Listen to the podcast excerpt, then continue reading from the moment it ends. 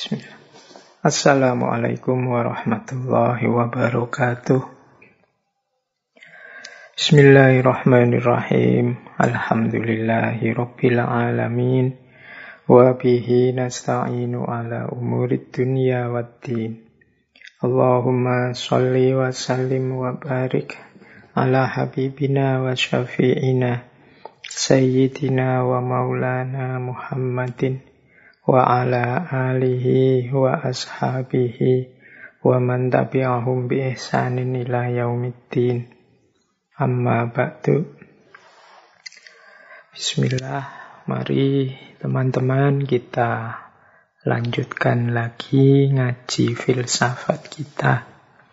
Semoga masih kita siap untuk istiqomah masih mantap untuk terus nambah wawasan, nambah ilmu, untuk meningkatkan kualitas diri kita, untuk semakin mantap kita mampu menjalankan amanahnya Allah, baik sebagai hambanya maupun sebagai khalifahnya.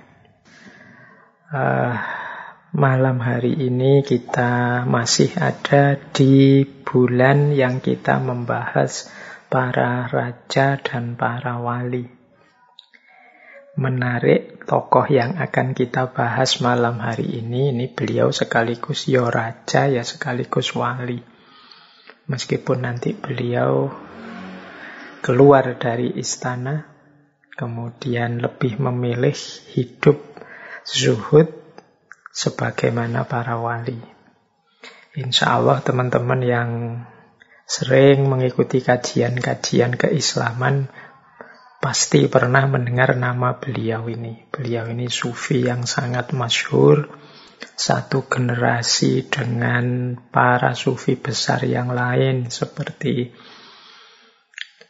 Syekh Malik bin Dinar, Robi'ah Al-Adawiyah, Syakik Al-Balh, Ma'ruf Al-Karhi, Syekh Sufyan Sauri, dan lain-lain. Ini generasi para sufi yang masyhur sekali. Sebagaimana waktu kita uh, belajar di minggu pertama di sesinya Khalifah Harun al-Rashid, ini para sufi ini hidup di zaman beliau ketika umat Islam sedang asik-asiknya mengembangkan ilmu dan ternyata tidak ketinggalan juga dunia tasawuf berkembang juga pesat zaman itu. Ini beliau dikenal masyhur dengan nama Syekh Ibrahim bin Adham. Membacanya memang bin Adham, bukan bin Adam. Nama lengkap beliau Ibrahim bin Adham bin Sulaiman bin Mansur al-Balkhi. Nah, kata-kata balkh ini menunjukkan asal beliau. Jadi beliau ini memang seorang raja di daerah Balkh. Daerah Balkh itu bagian dari Afghanistan kalau hari ini nanti tempatnya berbatasan dengan Uzbekistan. Ini kota ini zaman dulunya itu termasuk pusat kuno dari Buddha, Zoroaster, dan nanti terakhir Islam. Nah, beliau ini memang keturunan dari para pemimpin dari raja-raja yang menguasai wilayah Balkh. Jadi ini tidak heran jika kemudian beliau ya menjadi raja karena orang tua beliau raja di sana. Jadi dia amir penguasa.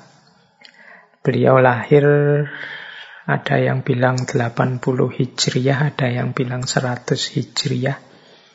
Dan kalau menurut Syekh Al-Zahabi di kitab Tarikhul Islam itu beliau lahirnya di kota Mekah. Ketika orang tua beliau menjalankan ibadah haji. Biasanya di kitab-kitab itu ketika ngobrol beliau ini sering dipanggil dengan nama Abu Ishaq. Nah, ya sumber tentang beliau banyak di berbagai kitab kita temukan itu. Ya yang paling mungkin kita kenal misalnya dari karyanya Syekh Fariduddin Aktor yang judulnya Tadhkiratul Aulia atau karya Abu Nu'aim al-Isfahani yang judulnya Khilyatul Aulia wa Tabaqatul Asfiya. Ini kisah-kisah tentang beliau banyak malam hari ini kita cari, kita ambil beberapa ya sesuai dengan algoritmanya ngaji filsafat ini. Kita hari-hari ini kan senang pakai istilah algoritma. Jadi sesuai dengan gayanya ngaji filsafat, kita cari, kita ambil beberapa, ya tentunya tidak semuanya. Ada keterbatasan-keterbatasan waktu, keterbatasan-keterbatasan saya juga sebagai yang menyampaikan. Dan juga misi kita untuk lebih banyak menemukan hikmah. Tidak sibuk dengan kontroversi-kontroversi perdebatan-perdebatannya. Baik, jadi seperti saya singgung tadi, beliau ini raja yang kemudian meninggalkan istananya menjalani hidup zuhud.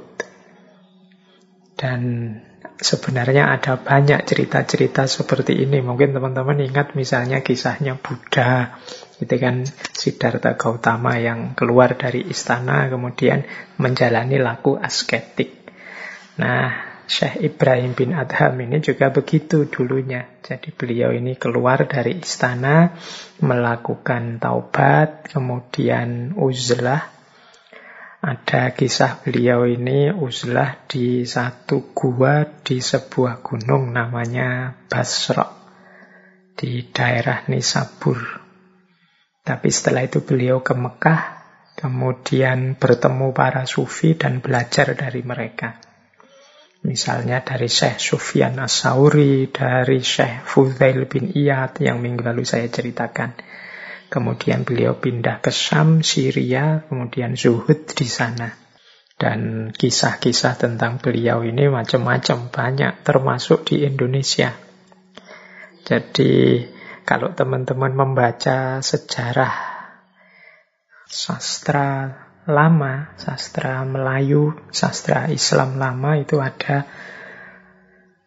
naskah yang judulnya Hikayat Sultan Ibrahim bin Adham.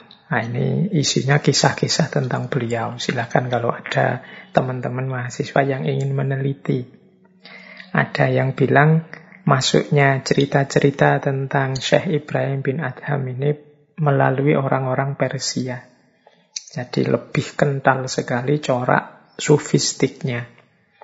Jadi dan tidak hanya di Indonesia, ya di banyak negara seperti India, Turki, ini kisah-kisah tentang sufismenya Syekh Ibrahim bin Adham ini terkenal sekali.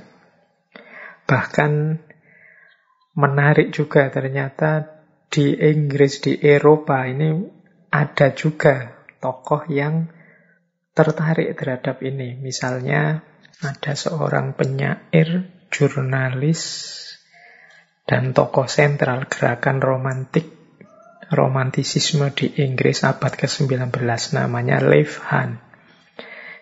Di antara sekian banyak puisi yang ditulis oleh Leif Han ini dia nulis puisi yang judulnya Abu bin Adam. Ini maksudnya membahas Syekh Ibrahim bin Adham ini. Yang nanti puisi ini diterbitkan di satu buku yang judulnya Book of Gems. Yang terbit tahun 1838 di Inggris. Jadi bahkan kemasyhuran beliau ini sampai ke Eropa. Ini selain luar biasa itu sebenarnya agak berat Sufi itu antara sufi yang mastur dengan sufi yang masyhur itu jauh lebih berat sufi yang masyhur. Kalau sufi yang mastur itu tidak ada orang tahu. Beliau bisa asyik hidup dalam naungan Allah, hidup bersama Allah. Tidak terganggu oleh macam-macam. Sementara sufi yang masyhur ini biasanya godaannya jauh lebih berat. Maka para sufi yang kita kenal dan dikenal di mana-mana itu sebenarnya beliau jauh lebih berat godaannya dan jauh lebih luar biasa. Meskipun kadang-kadang kita kagum dengan para sufi yang mastur ini. Biasanya yang mastur ini ketahuan sufi itu belakangan. Ketika sudah meninggal. Atau ada beberapa yang begitu ketahuan diselamatkan oleh Allah langsung meninggal. Tapi para sufi masyhur ini kemungkinan memang oleh Allah mendapat amanat untuk menjadi penuntun di tengah umat. Dan mereka ini tanggung jawabnya lebih besar dan lebih berat. Ya termasuk mungkin insya Allah beliau Ibrahim bin Adham ini. Beliau sufi yang sangat masyhur.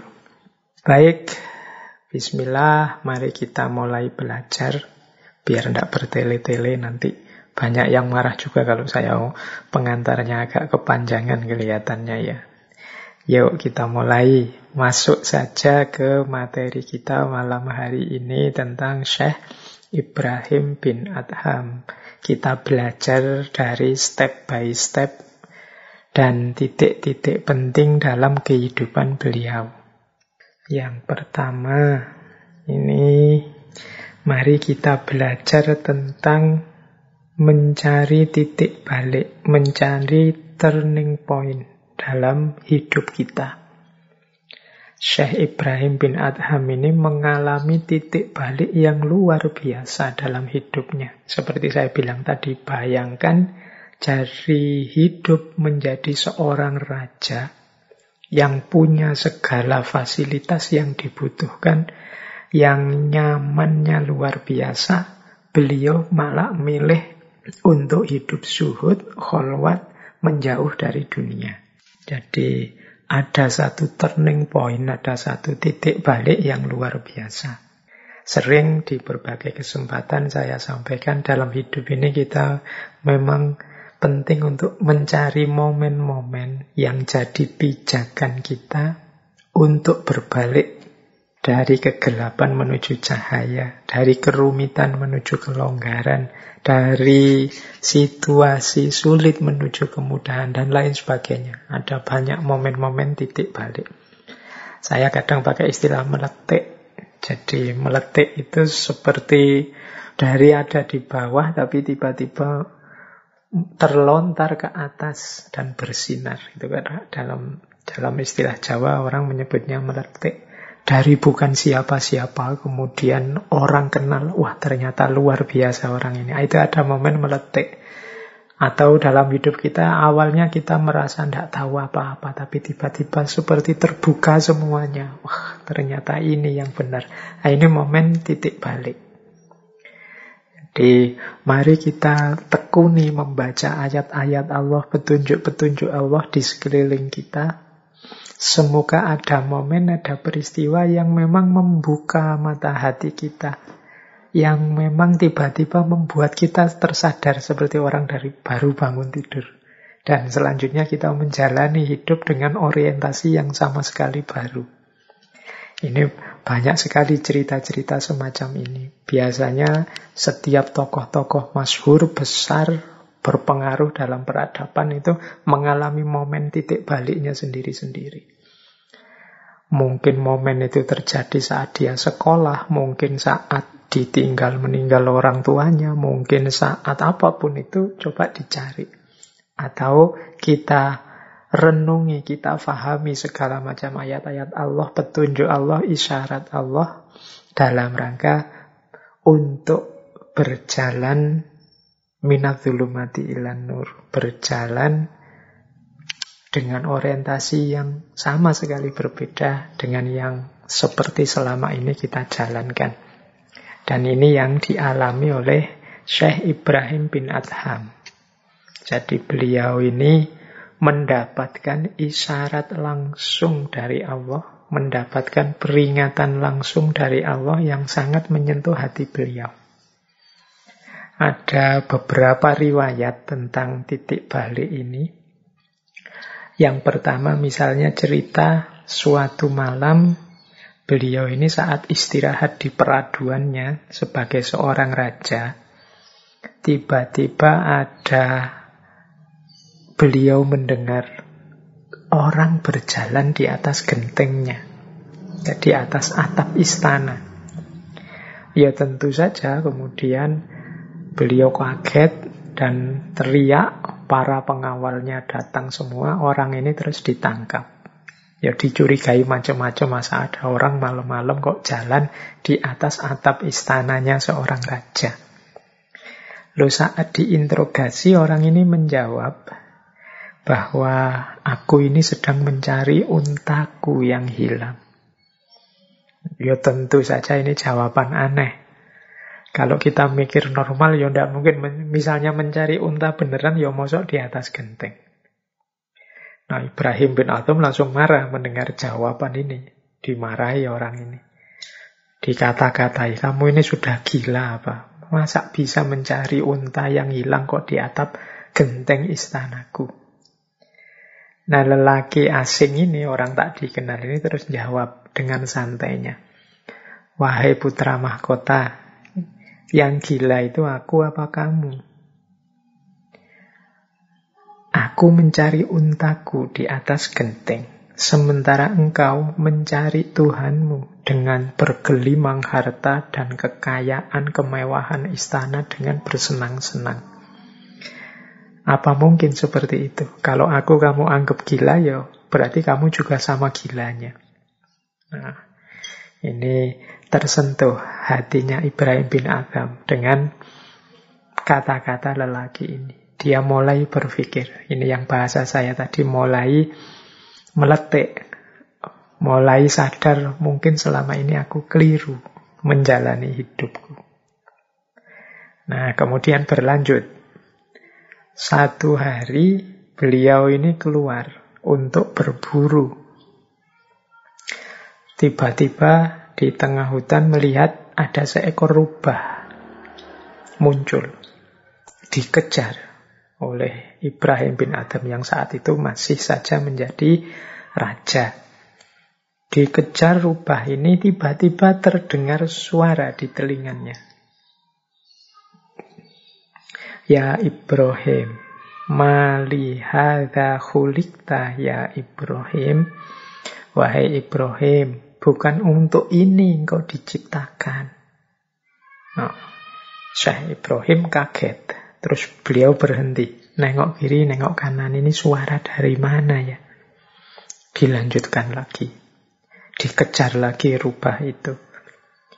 Terdengar lagi suara. Malihada khulikta ya Ibrahim. Wahai Ibrahim, bukan untuk ini yang kau diciptakan. Kaget lagi saya Ibrahim. Yang saat itu masih jadi raja. Beliau tengok kiri, tengok kanan, bahkan menganggap mungkin ini setan. Sampai beliau berkata, A'udzubillahi minasyaitonirrajim. Aku berlindung pada Allah kalau ini godaan setan. Dan lagi, dikejar lagi, dicari lagi rubah tadi. Untuk ketiga kalinya terdengar lagi suara itu. Malihada khulikta ya Ibrahim. Baru setelah yang ketiga ini, Ibrahim sadar Akhirnya beliau berkata, mungkin ini memang peringatan langsung dari Allah, petunjuk langsung dari Allah, panggilan langsung dari Allah. Ya sudah, mulai saat ini aku penuhi panggilannya. Nah, bahkan ada cerita kemudian saat itu juga beliau turun dari kudanya, ketemu seorang penggembala, kemudian bertukar baju baju kerajaan diberikan pada gembala itu, beliau pakai baju biasa miliknya seorang penggembala. Nah ini salah satu versi dari kisah titik baliknya Syekh Ibrahim bin Adham. Jadi ketika beliau mengalami peristiwa yang membalik 180 derajat kehidupannya dari seorang raja menjadi sufi. Nah, nanti kalau kita teman-teman membaca detail riwayat hidup beliau di banyak kitab disebutkan atau kalau yang ingin googling ya monggo ada banyak sekali cerita. Kalau kita ikuti tahap-tahap perjalanan beliau, perjalanan hidup beliau itu saya mengklasternya, membagi-baginya ada lima babak. hidup beliau. Yang pertama adalah fase ketika beliau jadi putra mahkota dan jadi raja. Ini bahasa saya fase menikmati dunia. Jadi asik dengan segala fasilitas yang diberikan oleh Allah. Kemudian terjadi titik balik tadi, ganti beliau ke fase kedua, yaitu fase kesadaran, di mana beliau sadar Ternyata aku salah. Ternyata dunia ini fana. Mengapa kok aku selama ini terlalu sibuk dengan dunia?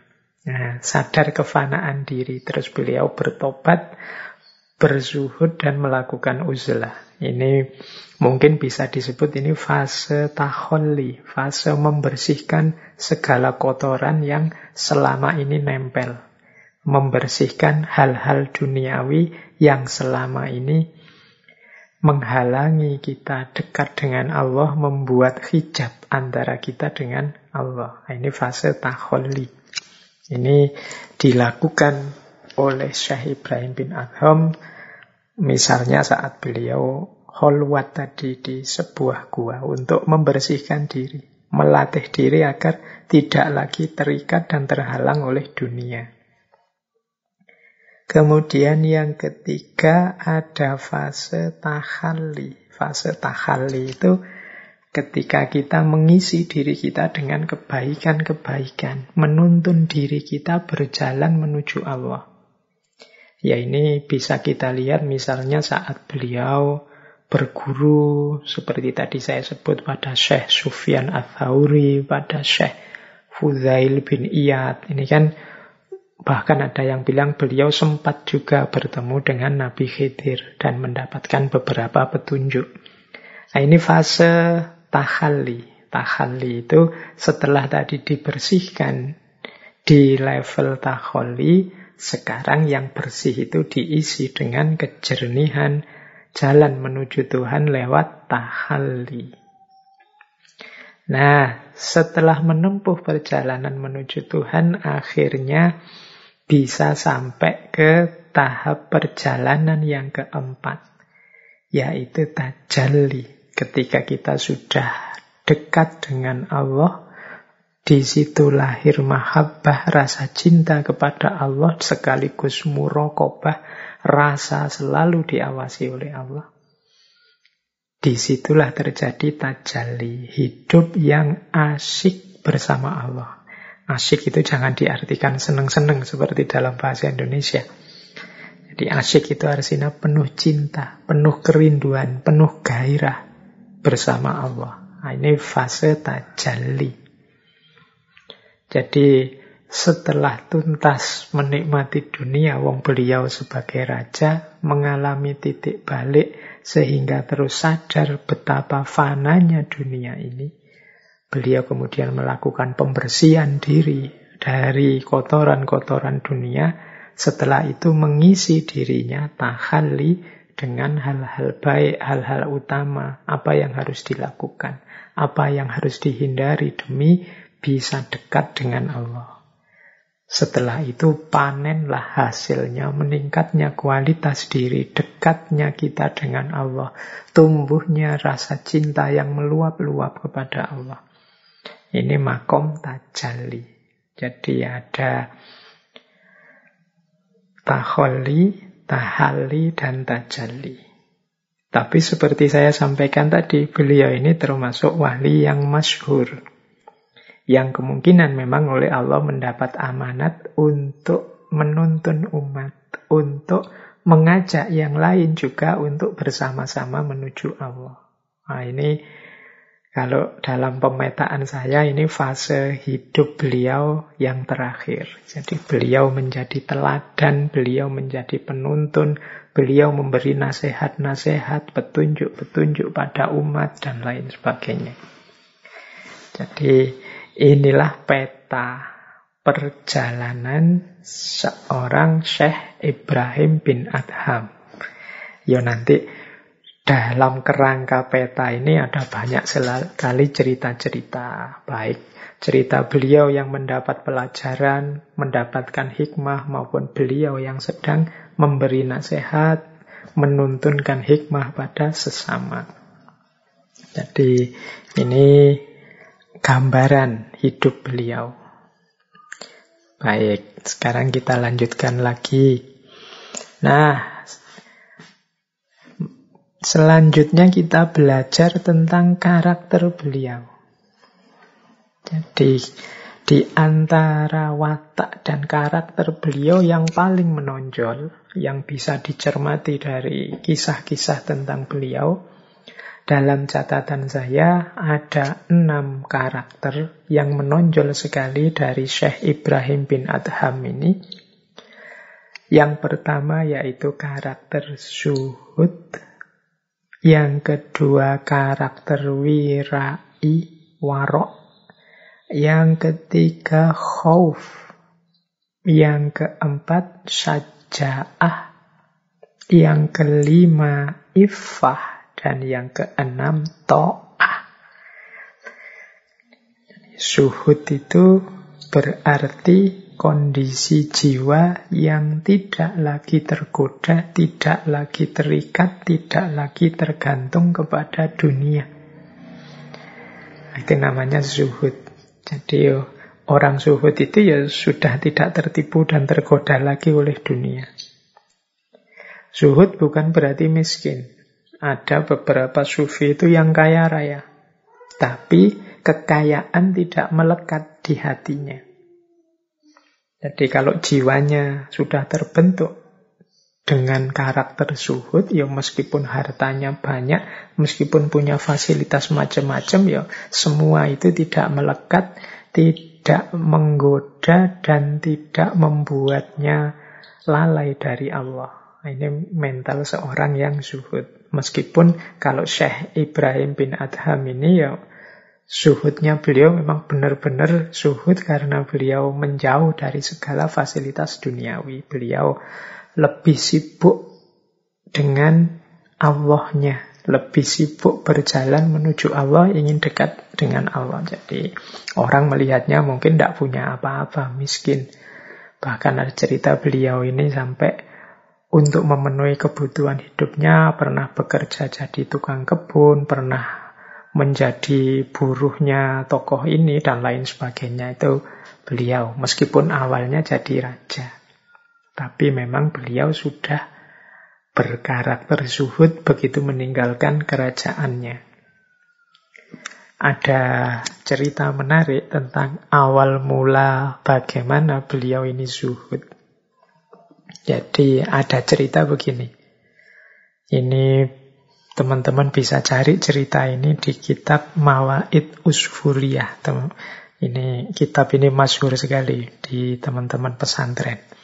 Jadi dalam Usfuriyah diceritakan satu ketika beliau ini berburu. Kemudian membawa sebungkus roti. Saat beliau istirahat ingin makan, Begitu bungkus roti dibuka, tiba-tiba ada seekor burung yang datang dan menyambar makanannya, menyambar roti itu. Dikejar oleh Syekh Ibrahim bin Adham ini. Karena ini roti mau dimakan untuk istirahat kok diambil, dikejar terus. Beliau ingin tahu burung ini nanti buat apa kok ngambil roti. Dikejar terus, ternyata burung ini terbang mengarah ke satu jurang. Jadi makin penasaran si Ibrahim bin Adham ini diikuti terus, termasuk turun ke bawah jurang. Ternyata di bawah jurang, burung ini sedang menyuapi seseorang yang sedang terikat. Sendirian.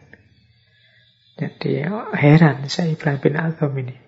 Kok bisa seekor burung mengambil roti dan diberikan untuk menyuapi orang yang sendirian terikat. Akhirnya ditolonglah orang ini oleh Syekh Ibrahim, ditanya orang ini, kok sampean bisa ada di bawah jurang sendirian? Orang ini jawab, saya itu dirampok. Tapi oleh para perampok setelah harta diambil, saya diikat, dilempar ke dalam jurang. Tidak tewas, tapi ya kesakitan sendirian. Tidak bisa apa-apa karena diikat. Kata orang ini, selama tujuh hari saya di bawah jurang ini, saya makan dari burung gagak ini. Jadi burung ini datang selalu membawa makanan untuk saya. Nah, kejadian ini berkesan dalam diri Syekh Ibrahim bin Adham. Ternyata kalau memang kita pasrah kepada Allah, kalau memang hidup ini kita persembahkan hanya untuk Allah saja, dan kita yakin bahwa rezeki itu sepenuhnya diatur oleh Allah, tidak takut apa pun, insya Allah hidup kita lebih tenang. Kesadaran ini kemudian menguatkan niatnya Syekh Ibrahim bin Adham untuk keluar dari istana dan menjalani hidup yang zuhud dengan keyakinan tidak mungkin Allah tidak menyelamatkanku. Setiap jatah dan rezekiku pasti sudah ditetapkan oleh Allah. Dengan keyakinan dan tawakal seperti ini, kemudian Syekh Ibrahim bin Adam mantap hatinya untuk lanjut hidup sebagai seorang zahid.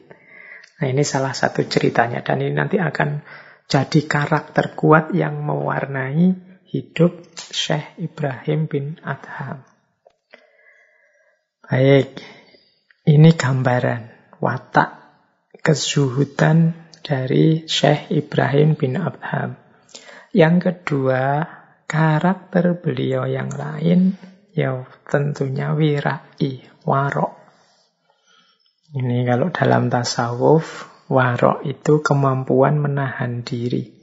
Kemampuan untuk hati-hati menjaga diri agar tidak jatuh dalam dosa, tidak jatuh dalam khilaf dan alpa. Ini namanya warok. Ini ya kalau para sufi itu bisa dipastikan kualitas warok ini tertanam dalam dirinya. Jadi warok itu kalau kata Imam Ghazali kan ada empat jenis. Ini mungkin sedikit ya sisipan pendapatnya Imam Ghazali. Jadi yang pertama adalah warok itu orang yang memang menghindar dari salah, dosa, maksiat. Ini level pertama. Ini definisi kita selama ini itu orang warok itu ya orang menjaga diri, menghindarkan diri dari hal-hal yang dosa, yang maksiat, yang khilaf, yang alpa. Ada warok level kedua. Kalau warok level kedua ini tingkatan waroknya orang-orang soleh. Ini tidak hanya menghindar dari dosa dan maksiat, tapi juga dari hal-hal yang subhat. Hal-hal yang subhat itu hal-hal yang sebenarnya ini ragu. Ada yang bilang boleh, ada yang bilang tidak boleh. Ada yang bilang ini baik, ada yang bilang tidak baik. Jadi masih ada beda-beda pendapat. Nah, orang warok level kedua ini lebih milih menghindar kalau itu masih subhat. Jadi ini boleh atau tidak, ini baik atau tidak. Itu kalau masih ada perdebatan-perdebatan, masih ada beda-beda pendapat, milih jalan yang paling selamat, yaitu dihindari. Nah, itu gaya warok level 2. Ada warok level 3. Ini kalau istilahnya Imam Ghazali, waroknya orang-orang yakin. Jadi orang-orang yang mantap. Warok level 3 ini ketika kita meninggalkan sesuatu yang sebenarnya ini boleh dan memang tidak buruk. Tapi bisa saja membuat kita terjerumus pada hal-hal yang buruk. Nah, ini dihindari. Jadi misalnya apalah kita melakukan kebaikan tapi ini kalau saya melakukan ini bisa jadi nanti saya tergoda atau terjebak dalam kesombongan atau membuat saya merasa besar atau nanti orang-orang menganggap saya terlalu agung karena dilihatnya saya ini pinter segalanya. Kalau gitu mending tidaklah. Saya merasa tidak kuat kalau terlalu dipuji tinggi-tinggi itu mudah sombong saya itu. Ah, ini terus sebenarnya itu boleh dilakukan, tidak buruk, tapi khawatir dengan itu saya jatuh pada keburukan ya akhirnya ini tidak dilakukan. Meskipun itu boleh. Misalnya saya punya uang, bisa makan di restoran yang paling mahal, misalnya. Nah, Kan tidak dilarang uang-uang kita, yang kita makan keinginan kita sendiri juga, dan tidak ada dosa apa-apa di situ. Tapi kemudian kita merasa, tapi ketika saya makan di restoran yang mahal itu, sering kali kemudian saya ini jadi boros.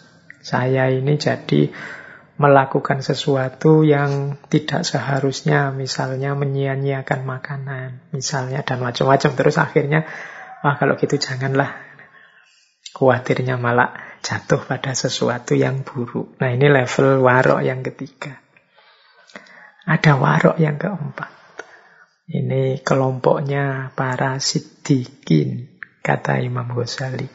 Jadi kelompok siddiqin ini menghindari segala hal yang tidak mendukung kita untuk taat atau dekat kepada Allah.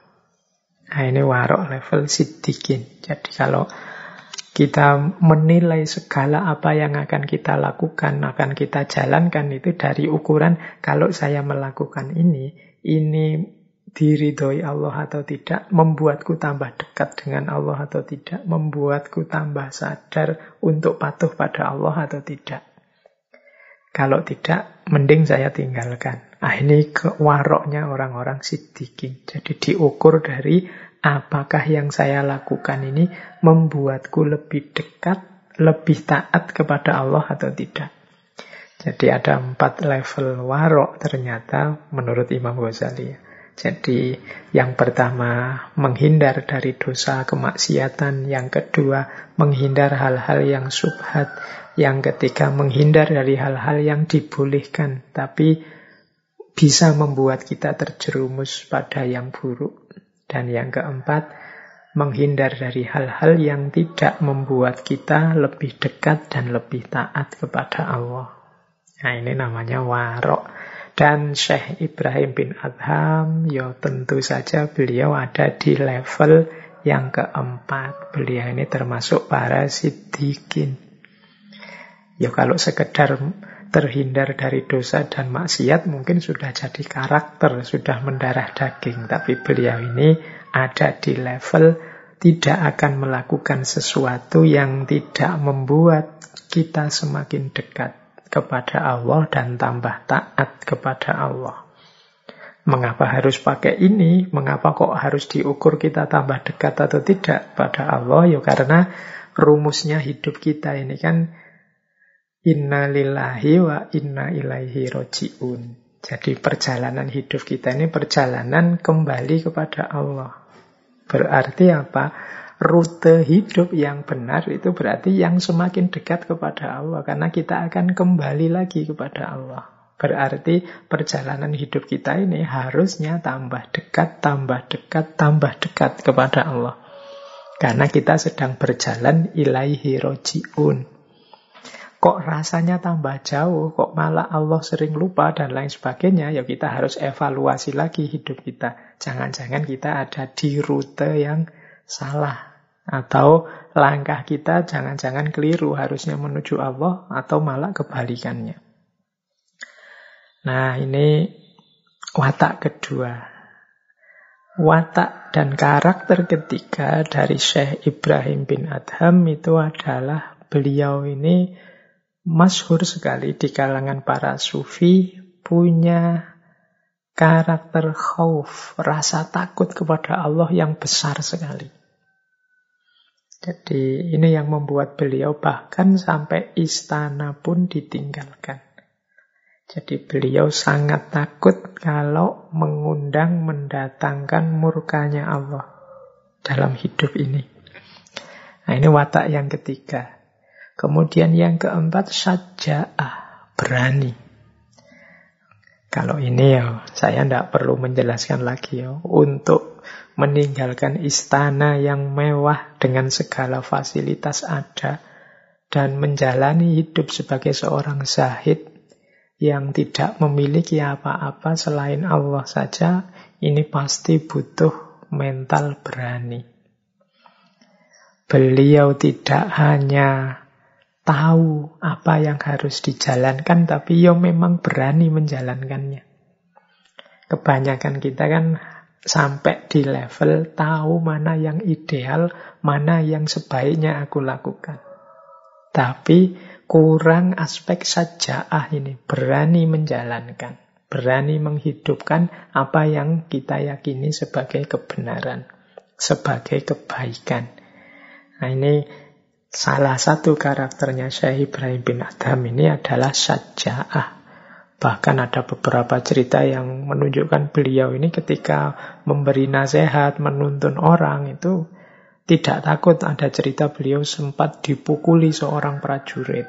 Ada cerita juga beliau ini sempat ditipu, direndahkan oleh seorang pemabuk dan juga seorang budak. Ada banyak sekali cerita-cerita, tapi beliau tidak mundur. Demi nuntun umat, demi mengajak orang lain juga menempuh jalan kebenaran, jalan kebaikan seperti yang beliau yakini. Nah, ini butuh saja'ah. Kemudian ifah. Ifah ini menjaga diri. Ifah itu nanti gandeng dengan wirai. Jadi orang yang warok itu biasanya juga punya karakter ifah. Ifah ini nanti melahirkan muru'ah, kehormatan diri. Jadi kemampuan seseorang menjaga dirinya. Dan yang terakhir to'ah. To'ah ini taat patuh pada apa pun perintahnya Allah. Tidak nawar, tidak mengeluh, apa pun yang diinginkan oleh Allah dijalankan. Yang utama, yang baik, apakah itu yang wajib, yang sunnah, semuanya dijalani. Nah, ini mental to'ah. Begitu yakin bahwa ini perintahnya Allah, ya dijalankan. Apa pun itu jenis dan bentuknya. Jadi enam karakter seorang Ibrahim bin Adham.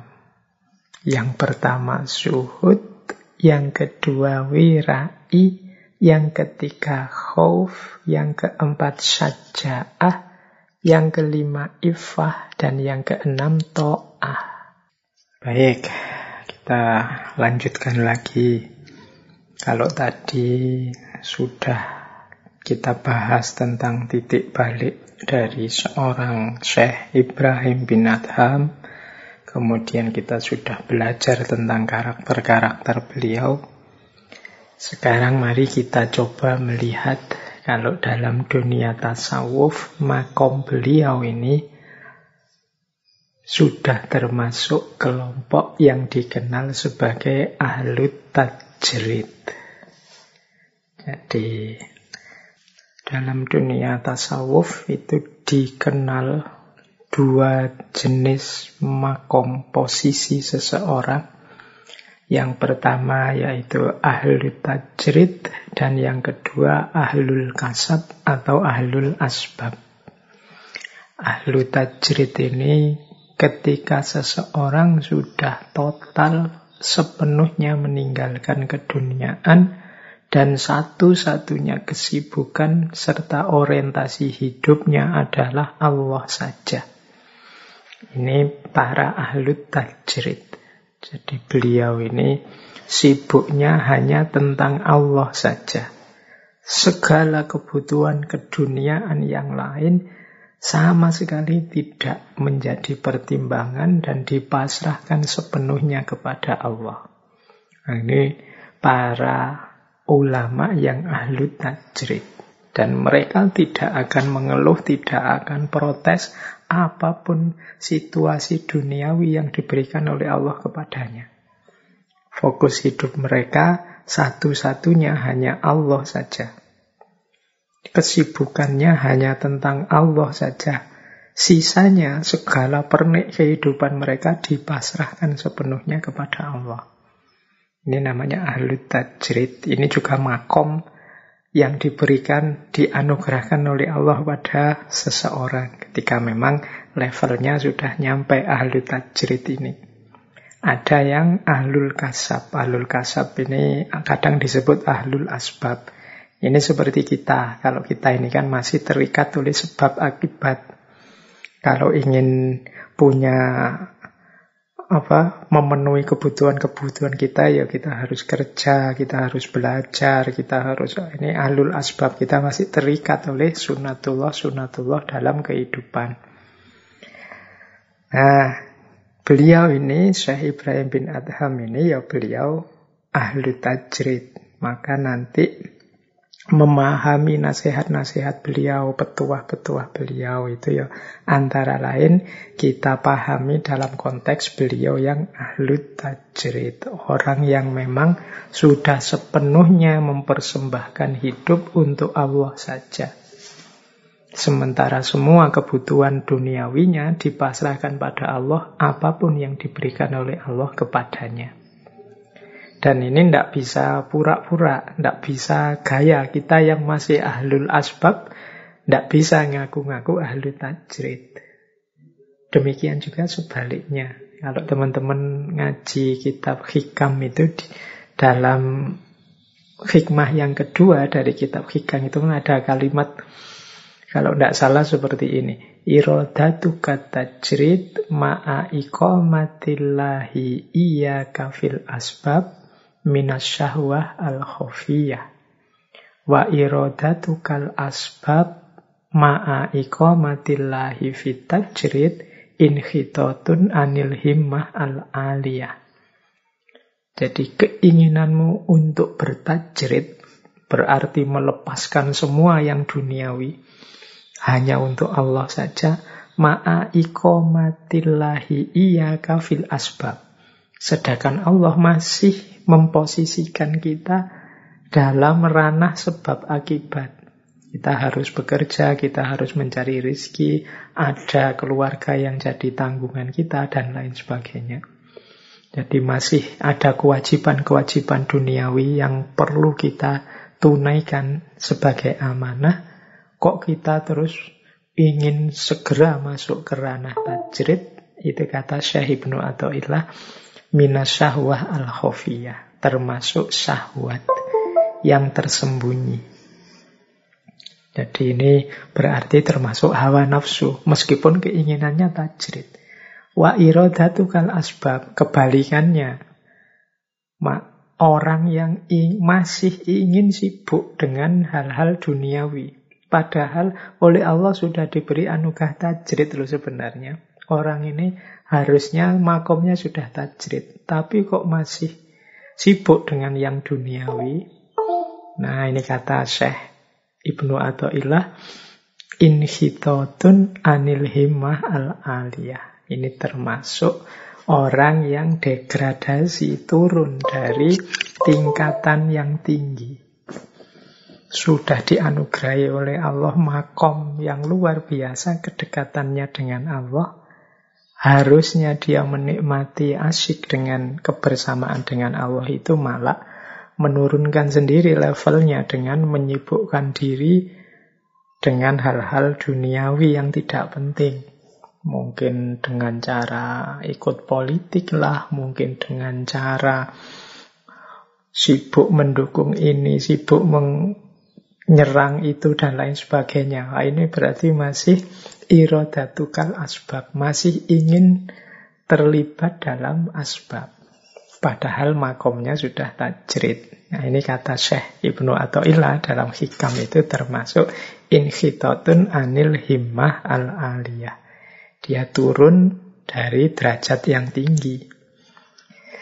Nah, Syekh Ibrahim bin Adham ini tentu saja beliau ada di makom tajrid. Bagaimana tidak, wong beliau ini raja yang jadi posisi tertinggi, tapi tiba-tiba saja semua ditinggalkan dan tidak berat sama sekali. Itu pastinya anugerahnya Allah. Tidak mungkin upaya manusiawi sendiri bisa sedalam itu penghayatan dan kesadarannya. Nah, ini namanya anugerah ahwal dari Allah dalam bentuk makom tajrid. Dan meninggalkan asbab. Meninggalkan hidup dengan logika sebab akibat. Meninggalkan itu bukan berarti sama sekali tidak ngurusi, tapi dipasrahkan semuanya kepada Allah saja. Jadi kalau dalam hidup sehari-hari teman-teman sering dengar orang bilang begini, ada apa-apa sedikit sudahlah, serahkan saja pada Allah. Dia tidak mau ngapa-ngapain, apa-apa diserahkan saja pada Allah. Disuruh protokol kesehatan, ya ah, kenapa takut? Serahkan saja semua pada Allah. Kan sering kita dengar kalimat itu. Ini benar kalau kita sudah ada di makom tajrid. Di makom yang sudah tidak terikat lagi oleh sebab akibat logika duniawi. Tapi kalau kita ini masih orang biasa yang masih butuh kerja kasep, masih banyak tanggungan dunia, masih banyak amanah-amanah hidup yang harus kita tunaikan secara sunnatullah, ya kita tidak bisa tiba-tiba dijujuk semuanya pasrahkan saja pada Allah. Harus ada ikhtiar-ikhtiar duniawi yang kita lakukan. Wong kita makomnya masih asbab. Kalau ingin dapat air panas ya kita harus menggodok air sendiri. Kalau ingin dapat air dingin ya kita bikin es sendiri. Tidak seperti para wali. Kalau para wali ya kebutuhannya dicukupi dari Allah. Kalau dalam Al-Quran itu misalnya ada kisah Maryam yang hidupnya hanya di berkholuat saja, beribadah pada Allah, tapi makanan datang dari langit. Nah, itu makomnya sudah tajrid. Semuanya dicukupi oleh Allah. Tapi yang belum makom itu ya tidak bisa. Tidak bisa kok kita, Pak, saya tidak usah mikir kerja, Pak, saya pasrah sajalah hidup ini pada Allah. Tidak bisa, kita makomnya belum nyampe. Dan tidak bisa pura-pura atau gaya kalau kita masih asbab kok ngoyo ingin sampai level tajrid atau gayanya kayak sudah tajrid Nah itu kata saya Ibnu ilah tadi kan ini namanya nafsu, hawa nafsu.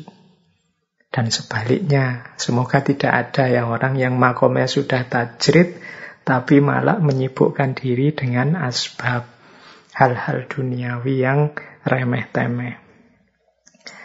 Karena eman-eman, orang yang sudah di makom tajrid ini harusnya jadi panutan, tuntunan kita, atau jembatan kita untuk membantu kita dekat dengan Allah. Nah, tapi kalau beliau malah sibuk dengan hal-hal yang tidak penting, nanti an, kalau bahasanya saya Ibnu Athaillah tadi, inhitotun anil himmah al aliyah. Turun dari derajat yang tinggi. Ini persis ada cerita Syekh Ibrahim bin Azam dengan murid beliau sendiri. Yaitu Sufi Masyhur juga Syekh Syakik al-Balkhi. Syakik al-Balkh ini berarti sama-sama berasal dari Balkh.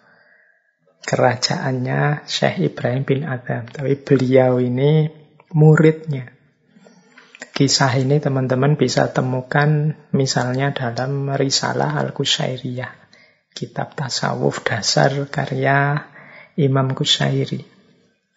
Di situ ada cerita Syakik al-Balakh ini muridnya Syekh Ibrahim bin Azam, ya nanti beliau jadi sufi, naik ke makom tajrid. Tapi sebelum itu beliau ini masih di level asbab. Beliau ini seorang pedagang ekspor impor yang kaya raya dari daerah Syam, Syria atau Suriah sekarang. Nah, setiap kali Syekh Sakik ini dapat untung banyak, selalu kemudian semuanya disedekahkan. Ya termasuk kepada gurunya.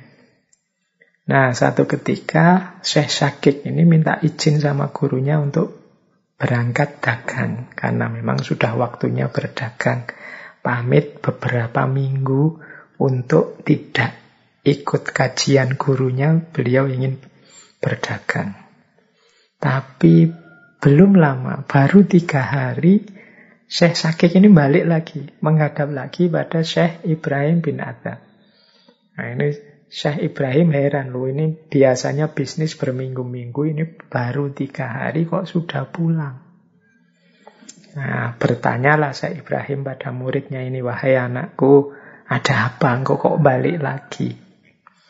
Syekh Sakik cerita, wahai guru, ini di tengah-tengah saya berdagang di tengah perjalanan, satu ketika di tengah padang pasir, saya melihat ada seekor burung kecil yang lemah, sayapnya patah. Ya tentu saja karena sayapnya patah, dia tidak bisa terbang ke mana-mana mencari makanan. Tiba-tiba saya lihat dari atas, dari arah langit datang seekor burung yang besar.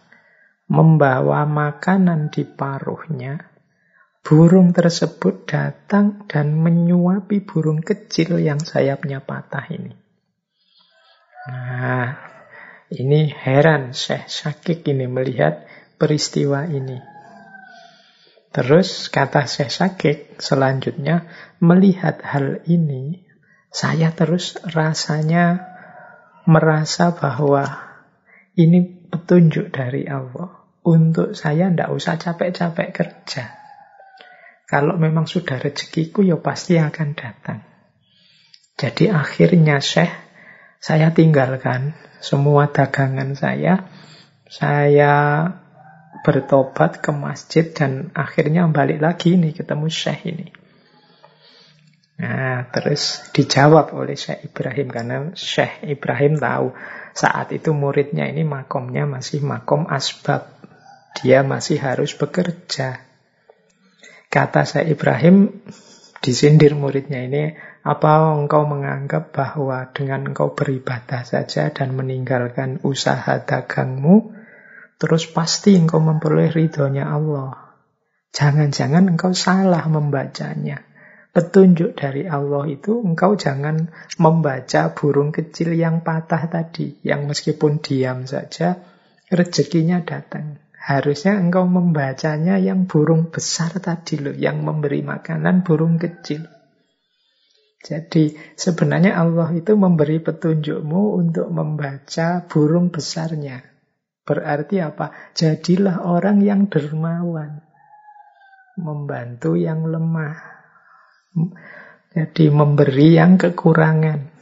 Jadi kamu malah membaca yang burung kecil. Harusnya yang kamu baca burung yang besar. Bukankah Rasulullah juga bersabda tangan di atas itu lebih baik daripada tangan yang di bawah. Jadi ya karena Syekh Ibrahim tahu ini muridnya ini ya belum makomnya. Belum saatnya tajrid dia masih punya banyak tanggungan, banyak tanggung jawab yang harus dipenuhi. Dan makom tajrid itu hakikatnya ya anugerahnya Allah, tidak bisa berdasarkan nafsu kita saja. Kita jalankan saja kewajiban kita, insya Allah kalau Allah ridho, maka akan datang situasi di mana kita tidak lagi merasa membutuhkan dunia sebagaimana Syekh Ibrahim yang setelah jadi raja tiba-tiba muncul kesadaran betapa fananya dunia dan dengan santainya meninggalkan semuanya dari baju kerajaan ditukar jadi baju gembala dan tidak berat sama sekali. Kenapa? Karena memang makomnya oleh Allah dipindah dari makom asbab ke makom tajrid. Nah ini mungkin sedikit ya pelajaran bagi kita karena kadang-kadang teman-teman ini kadang ndak ndak ngerti positioningnya, kapan kita harus tawakal, kapan kita harus pasrah, di mana letaknya usaha. Seolah-olah kalau sudah menempuh jalan sufi itu ya ditinggal semuanya. Hanya untuk Allah saja terus ndak mau kerja, ndak mau apa-apa. Loh kalau kita makomnya masih asbab, meskipun sedang suluk menempuh jalan, ya harus memenuhi kewajiban-kewajiban hidup manusiawi kita. Kecuali Allah menganugerahi kita makom tajrid.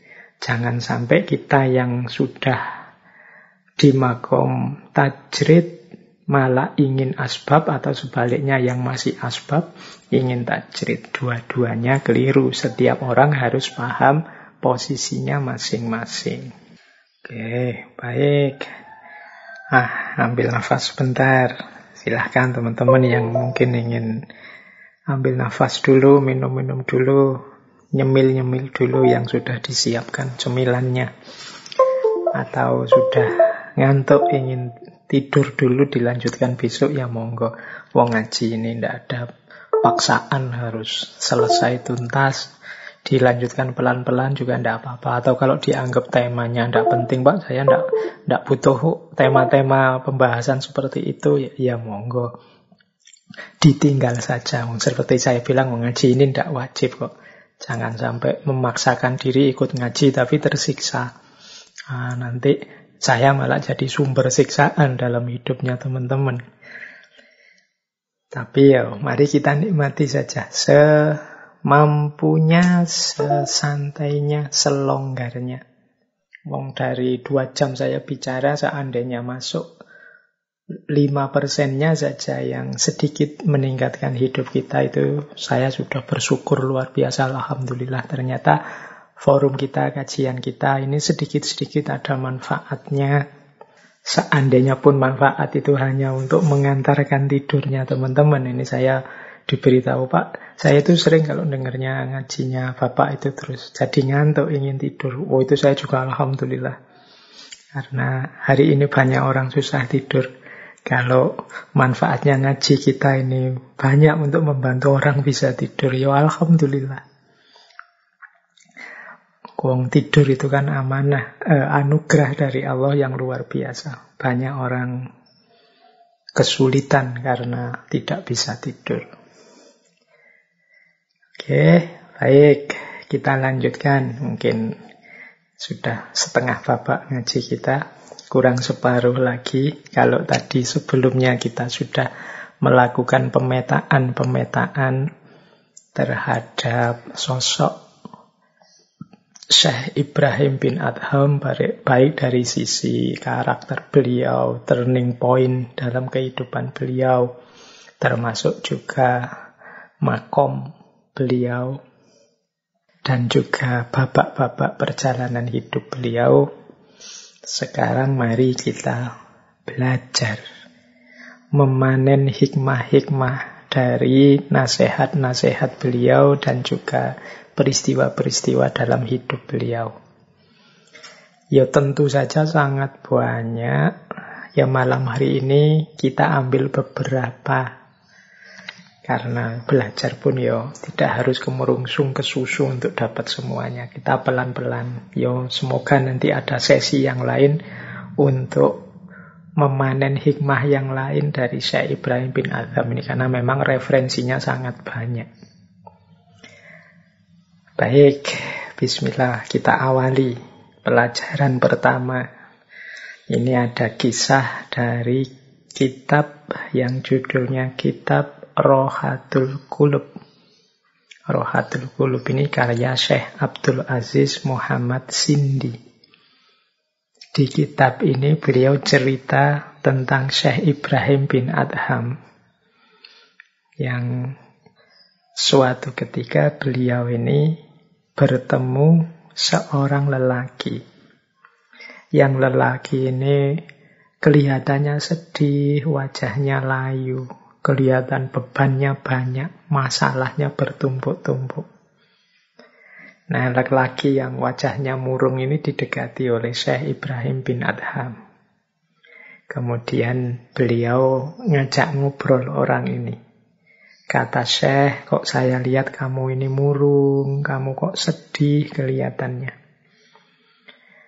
Benar Syekh, saya sedang sedih, saya banyak sekali masalah ini tumpuk-tumpuk. Rasanya dunia ini berat sekali, gelap sekali.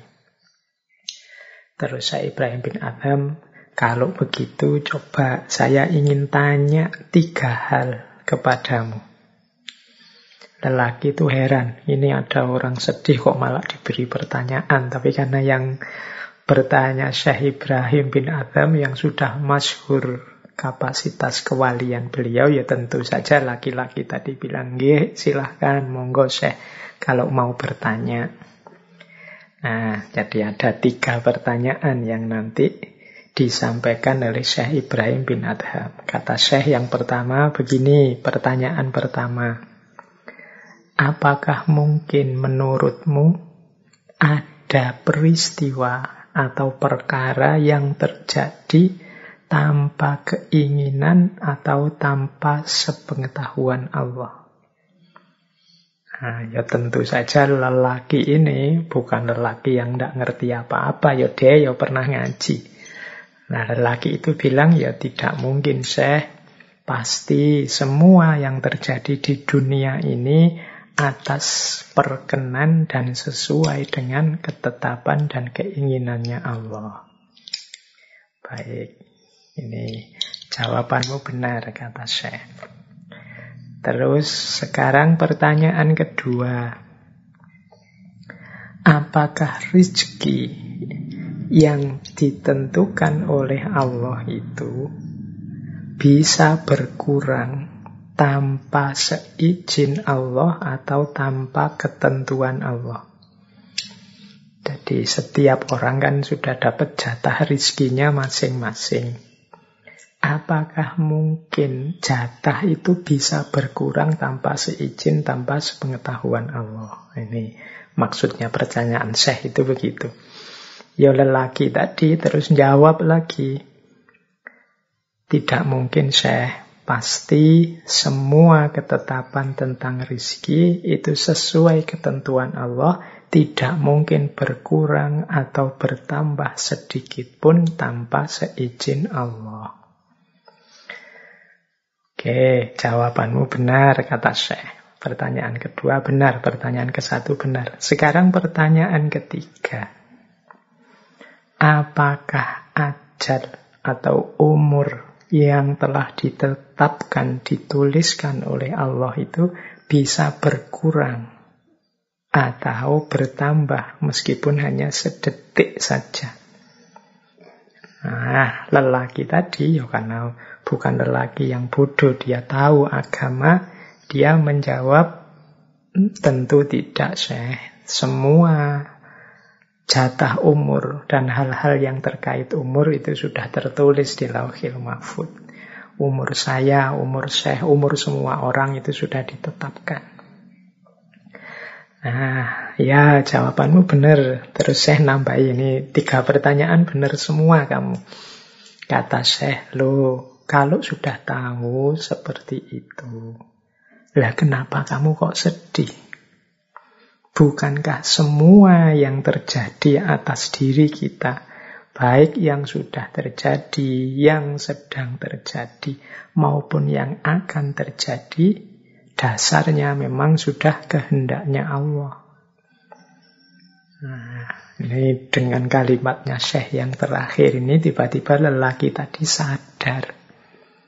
Lah mengapa aku kok harus sedih ya? Mengapa kok jadi berat sekali menghadapi ketetapan Allah ini? Apa aku tidak ridho dengan ketetapannya Allah? Apa aku mengeluh dan komplain dengan apa yang sudah digariskan oleh Allah? Pastinya kan tidak begitu.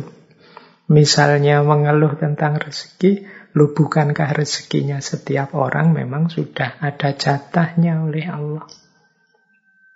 Jadi tidak mungkin berkurang atau keliru ke orang lain. Kalau memang rezeki kita pasti nyampe ke kita. Kalau memang bukan rezeki kita, ya tidak akan nyampe meskipun sengoyo apa pun kita ingin merebutnya. Jadi alasan rezeki tidak bisa jadi alasan kita untuk sedih. Wong yo masing-masing orang ada jatahnya. Mungkin pengalaman pahit. Yo pengalaman itu seperti apa pun juga sesuai dengan ketetapan dan pengetahuannya Allah. Tinggal kita belajar mengambil hikmahnya dan meresponnya dengan respon terbaik. Tidak perlu jadi beban yang membuat sedih berlarut-larut. Ataukah mungkin kita takut mati, mungkin karena sakit lama atau anggota keluarga kita ada yang sakit dan macam-macam ini kan berkait dengan umur. Loh kalau hubungannya dengan umur bukankah jatah usia, jatah umur setiap orang termasuk sedih dan gembiranya juga semuanya sudah tertulis di lauhil mahfud. Mengapa kok kemudian sedih? Nah, dengan petunjuknya Syekh Ibrahim bin Adham ini akhirnya lelaki tadi terus sadar.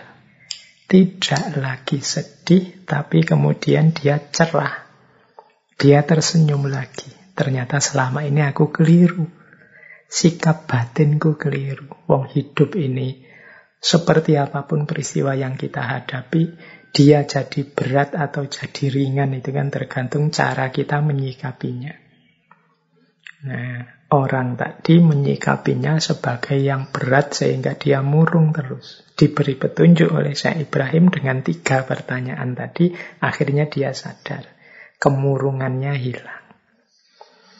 Oke, jadi ini mungkin pertama pelajaran bagi kita untuk tidak mudah mengeluh. Tidak tidak menggunakan kacamata yang negatif terhadap hidup kita.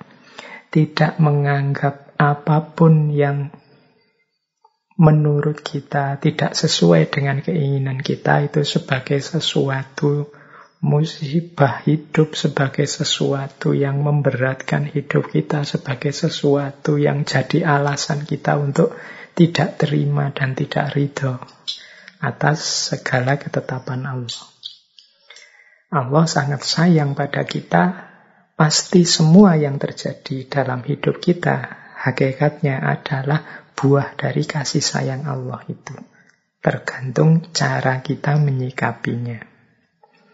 Baik, ini pelajaran awal untuk malam hari ini dari Syekh Ibrahim bin Adham.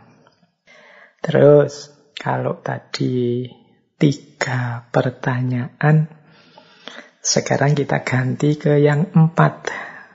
Ini ada empat nasihat dari Syekh Ibrahim bin Adham. Ini nasihat ini diberikan oleh Syekh Ibrahim kepada Abu Iska Al-Farozi. Abu Iska, eh, Abu Iska Al-Fazari. Abu Iska Al-Fazari ini seorang ahli fikih, ahli hadis, dari zaman Khalifah Harun al-Rashid. Ya Syekh Ibrahim bin Azam kan juga memang zaman ini juga zamannya Khalifah Harun al-Rashid. Nah, Abu Isa al-Fazari ini satu ketika bertemu Syekh Ibrahim bin Adham. Beliau ini selalu penasaran dengan Syekh Ibrahim ini. Karena beliau melihat Syekh ini loh lebih banyak diam. Tidak banyak ngomong. Mbok yo saya ini yang butuh siraman-siraman nasihat itu mbok yo dinasehati. Nah, didekatilah Syekh Ibrahim kemudian terang-terangan beliau minta wahai Syekh, mbok saya dinasehati, mbok sampean itu bicaralah. Tolong ngomong apa gitu. Biar saya tentram. Nah, yo Syekh Ibrahim kemudian menuruti permintaannya Syekh Fazari ini, tapi justru beliau menasehati yang berhubungan dengan bicara tadi. Ini mungkin untuk menjelaskan juga kepada Syekh Fazari mengapa dia tidak obral omongan.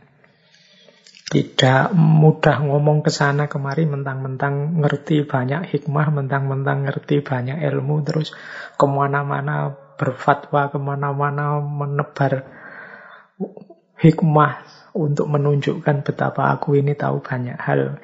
Nah, tidak begitu. Beliau menasehati Syekh Abu Isa Al-Fazari ini beberapa hal, empat hal.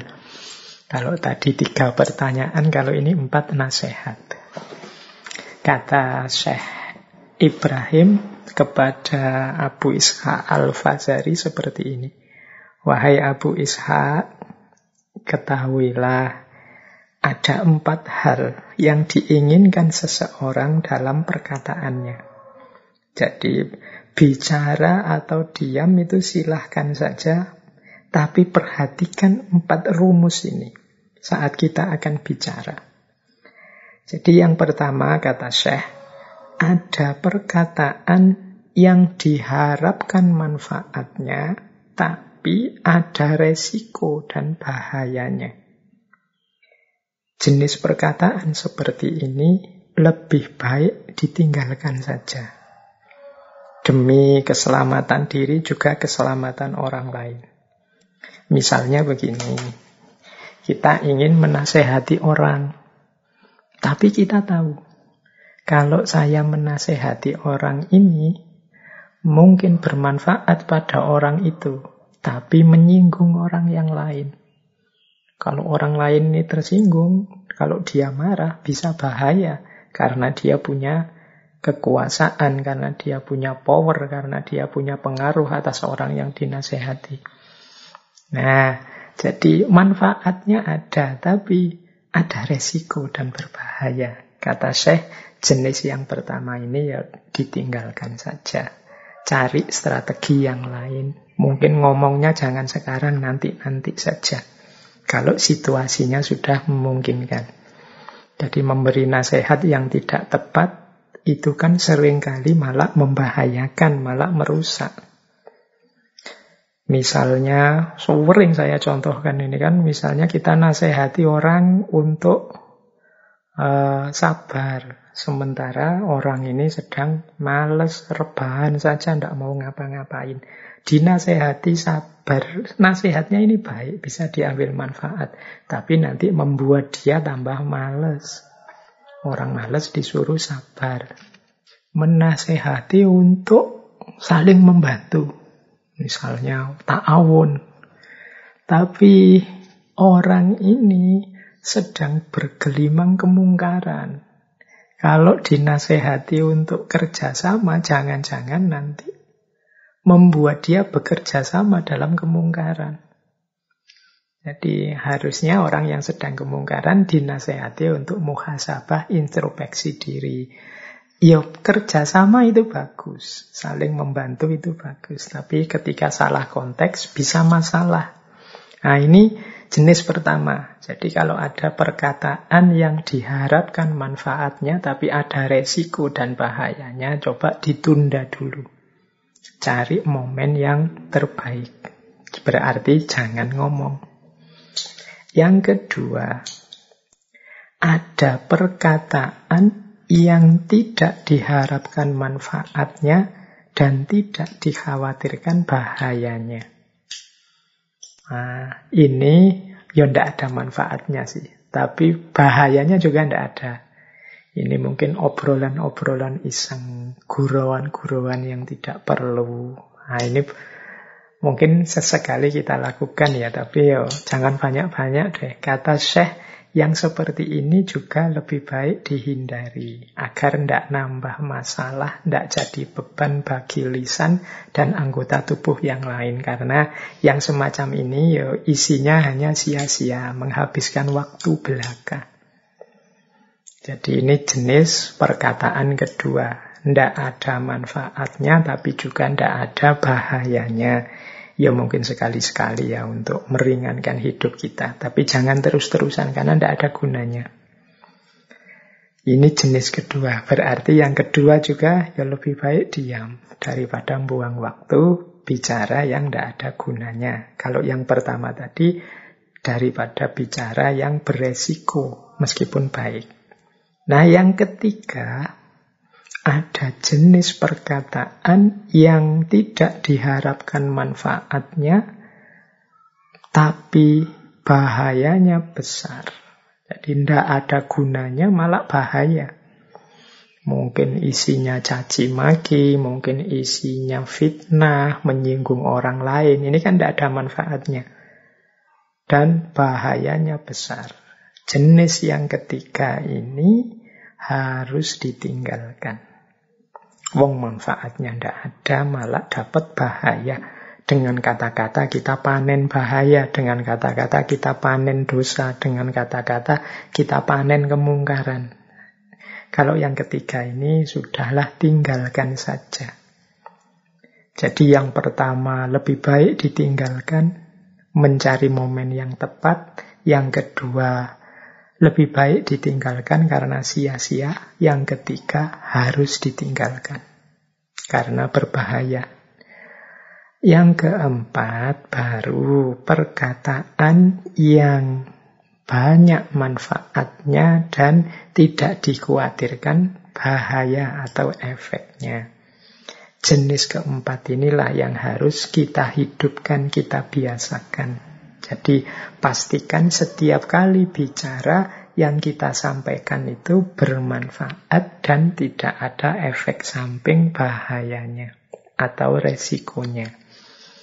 Ini pelajaran dari Syekh Ibrahim bin Adham sekaligus menjawab rasa penasarannya Abu Ishaq Al-Fazari. Wong Syekh Ibrahim ini wali yang diikuti banyak orang, kok malah pendiam tidak banyak bicara. Tidak banyak omong. Ya mungkin beliau ingin agar bicara itu senantiasa tepat. Ya jenis yang keempat tadi, ya manfaat dan tidak ada efek sampingnya.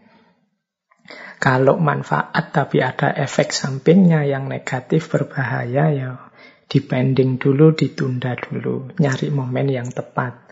Kalau tidak ada manfaatnya dan juga tidak ada efek samping bahayanya juga, ya berarti ini omongan yang sia-sia saja, buang-buang waktu saja. Ya, kalau bisa dihindari, kalau ada yang lebih penting, waktunya diisi dengan yang lebih penting. Dan yang ketiga harus ditinggalkan karena tidak ada manfaatnya, malah banyak bahayanya. Baik, jadi ini empat nasihat dari Syekh Ibrahim bin Adham. Tadi sudah ada tiga pertanyaan, kemudian ada empat nasihat. Sekarang tentang lima syarat. Nah, biar ini judulnya semua ada angkanya ya. Ini lima syarat. Ini cerita sebenarnya bisa teman-teman cek misalnya di kitab yang judulnya At-Tawabin. Orang-orang yang bertobat. Karya Syekh Ibnu Qudamah. Jadi suatu hari ada seorang laki-laki yang merasa banyak dosanya jadi laki-laki ini merasa sulit sekali berhenti melakukan maksiat. Kok saya ini ya tobat tapi kok diulang lagi tobat kok ulang lagi melakukan maksiat. Ini dia gelisah. Semoga teman-teman juga begitu ya. Kalau melakukan maksiat semoga masih ada gelisahnya. Jangan sampai melakukan dosa, melakukan kesalahan, melakukan maksiat, tapi dianggap biasa saja. Tidak ada rasanya. Nah ini kalau sudah tidak ada rasanya bahaya.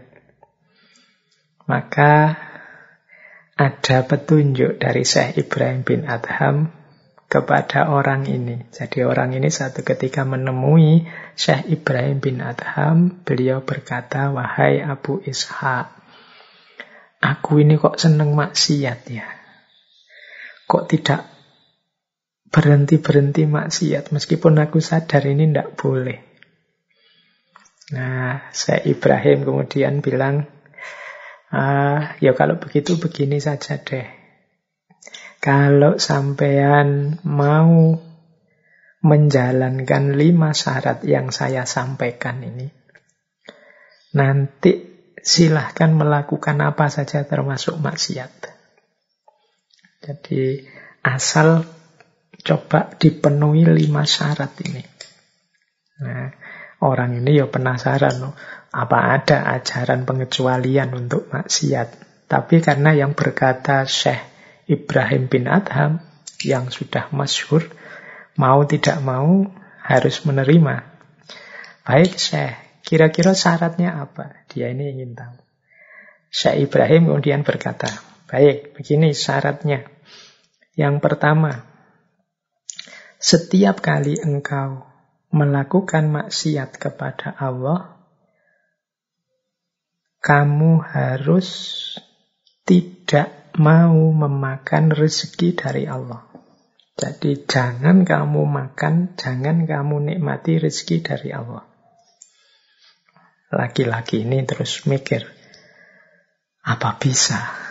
Kata laki-laki itu kepada Syekh, Lola terus saya makan dari mana? Wong setiap yang saya peroleh dalam hidup ini ya rizkinya Allah. Bagaimana bisa saya harus tidak menikmati, tidak makan rezeki dan anugerahnya Allah? Syekh Ibrahim terus jawab begini, ya lah kalau kamu sudah paham begitu, apa ya kamu itu pantas rezekinya dimakan, anugerahnya dinikmati, tapi larangannya tetap dilanggar. Ya, kagetlah lelaki ini dia baru sadar ya ya betapa tidak pantasnya, tidak sopannya aku ini. Wong yo Rezekinya aku nikmati, anugerahnya aku nikmati. Aku diberi macam-macam anugerah kesehatan, anugerah kenyamanan hidup, tapi perintahnya aku langgar. Nah, mulai terbuka pikirannya. Syarat yang kedua, kata Syekh Ibrahim, kalau engkau mau bermaksiat, ya resikonya jangan tinggal di buminya Allah. Lelaki ini kaget. Lu bagaimana bisa, Syekh? Apa bisa orang tidak tinggal di buminya Allah? Kalau kita hari ini mungkin sing pikirannya agak nakal-nakal itu teman-teman kan sering ngayal. Oh kalau gitu masih bisa Pak, masih bisa ke planet Mars atau hidup di bulan sana. Yo, yo Mars dan juga bulan itu ya semuanya ciptaannya Allah. Kata Syekh, wahai Abdullah, wahai hamba Allah, apa kamu tidak mikir? Kamu itu yo makan rizkinya, yo tinggal di tempat yang disediakan olehnya untuk kita, tapi kok masih asik saja melanggar larangannya. Itu mudahnya disediakan tempat tinggal, dijamin hidupnya, tapi masih tega kita melanggar larangan-larangannya. Nah, itu kan betapa kita ini tidak logis, tidak masuk akal, tidak ngerti kepantasannya orang hidup. Nah, tambah sadar lelaki ini. Yang ketiga, kata saya Ibrahim, nambah lagi karena tadi kan lima syaratnya. Kalau engkau masih saja ingin bermaksiat, sekarang begini saja deh. Cari tempat yang tidak terlihat oleh Allah. Nah, orang ini terus mikir, terus yang jawab, wahai Syekh Ibrahim, mana ada. Bersembunyi di mana pun, ya tetap Allah itu tahu. Nah, dijawab oleh Syekh, lah ya kalau memang demikian, apa kamu tidak malu? Sudah dijamin macam-macam tadi, kemudian terang-terangan melanggar di depan Allah. Wong Allah selalu tahu apa pun yang kita lakukan. Apa kamu tidak malu bermaksiat padahal sadar Allah sedang melihatmu? Nah, orang ini tambah sadar kekeliruan persepsinya dengan selalu melaksanakan maksiat. Terus begini kata Syekh, dilanjutkan yang keempat. Kalau nanti malaikat maut datang hendak mencabut nyawamu, katakan padanya, wahai malaikat, tolong ditunda sebentar, saya tak tobat dulu. Saya mau melakukan amal soleh dulu sebentar saja, biar dosaku bersih, aku tak tobat dulu. Nah, jadi orang laki-laki ini terus mikirnya, ya syekh, ya tidak mungkin syekh. Mana ada malaikat maut menunda dan memenuhi permohonanku tidak jadi mencabut nyawaku. Terus kata saya, ya kalau kamu sudah tahu begitu, lah mengapa kamu menunda-nunda untuk segera bertobat? Segera tidak menjalankan maksiat lagi, segera beramal soleh. Bukankah ajal dan umur itu bisa datang tiba-tiba saja? Bagaimana engkau bisa tetap santai melakukan kemaksiatan-kemaksiatan? Terus kata Syekh, yang kelima, nanti kalau malaikat penjaga neraka menggiringmu untuk masuk neraka di hari kiamat, jangan mau dimasukkan neraka. Kamu ngeyelo, kamu bantah dia. Laki-laki ini terus bilang, ya Syekh, wahai Abu Isha, ya pasti tidak bisa kalau memang hisapku membawaku ke neraka, pasti aku akan masuk ke neraka. Laki-laki ini semakin sadar sampai kemudian dia nangis. Cukup wahai Syekh, memang aku ini tidak tahu diri. Memang aku harusnya bertobat dari dulu. Harusnya aku malu dengan segala kemaksiatanku. Jadi ini mungkin pelajaran ya bagi kita semua teman-teman yang mungkin sekali-sekali atau dua kali dua kali atau malah sering Hidup kita diwarnai oleh dosa-dosa maksiat-maksiat. Pelajaran dari Syekh Ibrahim bin Adham ya yang pertama, kalau engkau memang masih kukuh secara sadar melakukan maksiat dosa, jangan makan rezeki dari Allah. Tidak pantas. Wong kita langgar larangannya kok kita masih menikmati dan meminta pemberian darinya. Yang kedua, jangan tinggal di buminya. Itu namanya tidak tahu diri. Wong kita langgar perintahnya kok kita masih tinggal di tempat dan fasilitas yang diberikannya. Kemudian cari tempat yang Allah tidak tahu. Ini juga semakin sulit. Di mana tempat Allah tidak tahu. Kalau kita tahu bahwa Allah senantiasa mengawasi, apa kita tidak malu? kalau masih tetap melakukan maksiat. Dan yang keempat, kalau malaikat mau datang, minta waktu menunda sebentar untuk tobat. Dan ini pun tidak mungkin. Padahal umur itu datangnya tiba-tiba. Siapa tahu sedang asik maksiat, malaikat mau datang. Wassalam, kita akan ada di ranah su'ul khotimah. Apalagi yang terakhir. Jadi Ketika nanti di akhirat kita sudah dihisap dan keputusannya masuk neraka, apa mungkin kita menolak? Kan tidak mungkin. Di masa itu sudah tidak ada remedi lagi, tidak ada perbaikan lagi. Jadi lima syarat dari Syekh Ibnu, eh dari Syekh Ibrahim bin Adham ini penting bagi kita untuk menyadari menghentikan perbuatan dosa, perbuatan maksiat yang kita jalankan secara sadar. Baik, tadi yang tiga sudah, tadi ada tiga pertanyaan, empat nasihat, lima syarat, sekarang enam. Ada enam petunjuk. Kalau tadi yang lima syarat itu berarti untuk membersihkan diri kita dari tah, dari dosa-dosa dari maksiat. Kalau dalam dunia tasawuf ini namanya taholi, pembersihan dengan lima syarat. Sekarang aspek tahali. Jadi enam petunjuk apa yang harus kita lakukan biar hidup kita ini bermanfaat, berguna. Jadi satu ketika ada seseorang datang meminta nasihat kepada Syekh Ibrahim bin Adham.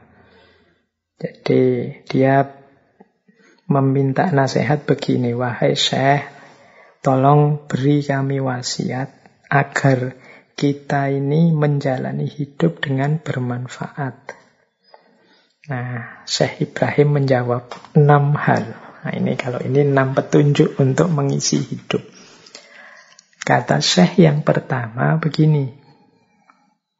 Jika engkau melihat orang sibuk dengan dunia, maka sibukkan dirimu dengan akhirat. Jadi ini semacam membaca hikmah keluar. Coba lihat di sekeliling kita. Kita akan sering sekali melihat orang yang sibuk dengan dunia orang yang repot dengan dunia. Nah, mari kita ambil pelajaran begitu sadar iya ya, orang itu loh, wong perkara dunia saja diurusi sampai segitunya. Itu namanya sibuk dengan dunia. Nah, begitu kita sadar ini, jangan kok terus kita memaki orang ini, mencela orang ini, ndak. Tapi kita terus masuk ke dalam. Kalau begitu, aku jangan begitu. Aku akan menyibukkan diriku dengan yang lebih hakiki. Yaitu sibuk memperbaiki diri untuk akhirat. Jadi pelajaran pertama dari Syekh Ibrahim, kalau engkau melihat orang sibuk dengan dunia, sibukkanlah dirimu dengan akhirat. Jadi ini kan mudah kita cari kesibukan dunia itu ya di sekeliling kita tiap hari kita melihat kesibukan orang dengan dunia, kerepotan orang dengan hal-hal duniawi. Jadikan itu pelajaran setiap kali melihat peristiwa atau fenomena semacam itu, mari kita sibukkan diri kita dengan akhirat. Jadi baliknya ke kita itu sebagai pelajaran bahwa kalau begitu aku jangan seperti mereka yang hanya sibuk dengan dunia. Aku harus fokus pada yang lebih hakiki, yaitu kehidupan akhirat. Ini yang pertama. Yang kedua, Kata Syekh Ibrahim, jika engkau melihat orang-orang sibuk memperindah penampilan fisik, maka sibukkanlah dirimu dengan memperindah dan mempercantik batinmu. Jadi ini juga mudah kita temukan di sekeliling kita orang sibuk dengan memperindah penampilan fisik. Loh, memperindah penampilan fisik itu hidup yang rapi, pakai baju bagus, kemudian apa hidup secara bersih. Ini kan memperindah penampilan fisik. Ini manusiawi, tapi ada orang yang sibuknya itu terus. Jadi demi penampilan fisik banyak nilai dan norma yang dilanggar. Nah, ini namanya sibuk dengan penampilan fisik. Nah, nasihatnya Syekh Ibrahim, kalau sedang melihat orang yang hidupnya sibuk untuk penampilan fisik saja, pencitraan-pencitraan saja, mari kita jadikan pelajaran untuk diri kita bahwa aku akan lebih fokus untuk memperindah dan mempercantik batinku. Jadi lebih fokus pada keindahan batin. Keindahan batin itu ya moral, ya spiritual. Jadi kedekatan kita dengan Allah, kebaikan akhlak dan moral kita, itu kecantikan batin. Jadi begitu lihat orang sampai segitunya berusaha untuk tampil cantik dan indah. Nah, aku mengambil pelajaran dari situ, aku akan lebih fokus mempercantik batinku. Ini nasihat yang kedua. Nasihat yang ketiga, jika engkau melihat orang-orang sibuk mengurusi perkebunan, maka sibukkan dirimu dengan sibuk mengurusi hidup nanti di kuburan. Ini maksudnya nyambung dengan yang pertama tadi kan ada orang itu sibuk dengan kerja, ngurus perkebunan dunia. Entah kerjanya, kebunnya dalam bentuk apa. Ya ndak harus tanah, ya mungkin kantor ini, kantor itu. Maka jadikan itu pelajaran, mari kita sibuk mengurusi hidup nanti di alam barzah, di alam akhirat, ya di kuburan. Karena Pasti semua orang menuju ke sana. Ini yang ketiga, jadi ini mirip yang pertama tadi ya. Kalau ada orang kok sibuk dengan kerja-kerja terus, jangan lupa ada yang lebih hakiki. Semua orang nanti mati ada pada kuburannya masing-masing. Mari kita juga memperhatikan bekal untuk hidup nanti. Kemudian, jika engkau melihat ada orang yang sibuk mengabdikan diri kepada sesama manusia, maka sibukkanlah dirimu dengan mengabdi kepada Allah Rabbul Alamin. Jadi banyak orang yang mengikatkan diri kepada manusia yang lain, mungkin karena hartanya, mungkin karena jabatannya, mungkin karena posisi statusnya. Dia memposisikan diri di bawah orang-orang yang dianggap hebat ini, mungkin ada pamrih-pamrih mendapatkan keuntungan-keuntungan. Kalau kita melihat orang-orang seperti ini, mari kita kembalikan lagi kepada diri kita. Kita berjanji untuk semoga aku tidak seperti itu. Aku akan berusaha mengabdikan diri hanya kepada Allah saja. Kemudian yang kelima, jika engkau melihat orang-orang sibuk mengatakan aibnya orang lain, maka sibukkan dirimu dengan keburukan dirimu sendiri. Hari ini mungkin kita banyak melihat fenomena ini. Orang sibuk sekali mencari aibnya orang yang memang tidak dia sukai. Tiap hari mencermati, jelimeti, ini jeleknya orang ini, ini jeleknya orang ini. Khususnya orang-orang yang tidak disukai. Biasanya terus kita sebel sama orang-orang ini, kita balas dengan menjelek-jelekkan mereka. Atau orang-orang yang dikagumi oleh mereka. Akhirnya isinya dunia digital kita hari ini tuh banyak saling menjelek-jelekkan. Nah, kalau petunjuknya saya Ibrahim kebalikannya. Mari kita justru sibuk dengan kembali pada diri kita sendiri. Kok begitu lihat, wah ini ada orang menjelek-jelekkan orang lain. Wah saya jadikan pelajaran, aku harus lebih fokus pada kejelekanku karena kejelekanku sendiri juga masih banyak. Nah ini pelajaran kelima dari Syekh Ibrahim bin A'zom. Jadi kita mengisi hidup dengan fokus pada keburukan kita sendiri. Dan yang terakhir, ini seperti yang nomor tiga tadi Jadikan kehidupan di dunia ini sebagai taman pertanian yang akan mengantarkan engkau ke kebun akhirat. Jadi kata Syekh ya bukan berarti dunia ini kita tinggalkan, tapi mari kita jadikan dunia ini sebagai tempat untuk menanam kebenaran dan kebaikan yang nanti mengantarkan kita pada kesuksesan di akhirat. Jadi ini enam petunjuk dari Syekh untuk mengisi hidup yang lebih manfaat. Jadi yang pertama mari kita sibuk dengan akhirat. Begitu melihat banyak orang sibuk dengan dunia. Yang kedua, mari kita fokus memperindah, mempercantik batin kita. Begitu kita melihat kok banyak orang lebih fokus mempercantik fisiknya. Mari kita sibuk mengurusi hidup yang hakiki di alam barzah, di alam akhirat. Begitu kita melihat banyak orang yang lebih sibuk mengurus perkebunan dunia. Kemudian yang keempat, mari kita fokus mengabdi pada Allah karena banyak orang lebih sibuk mengabdi pada sesama manusia. Yang kelima, kita sibuk dengan keburukan kita sendiri saja. Jangan mengikuti orang-orang yang sibuk mencari aibnya orang lain. Dan yang terakhir, mari jadikan hidup di dunia ini sebagai kendaraan untuk menuju akhirat. Nah, ini enam petunjuk.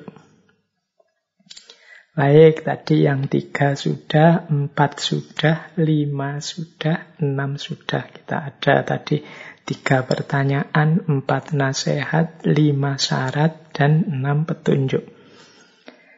Nah, sekarang yang terakhir, tujuh. Ini nasihat-nasihat dari Syekh ini sebenarnya masih banyak kalau kita mau menggali di berbagai referensi. Kita kita ambil santai-santai saja yang mungkin bisa manfaat untuk hidup kita. Nah ini ada tujuh pesan, tujuh wasiat dari Syekh. Ini sebenarnya satu riwayat yang menceritakan pesannya Syekh Ibrahim bin Adham untuk para tamunya. Jadi satu ketika datang banyak tamu ke kediaman beliau yang tamu-tamu ini minta dinasehati. Yo, akhirnya diberikanlah oleh Syekh Ibrahim bin Adam ini tujuh wasiat, tujuh pesan untuk tamu-tamunya. Yang pertama pesannya Syekh Ibrahim begini. Man kathuro kalamuhu fala tatma'u fiyak roti kolbihi.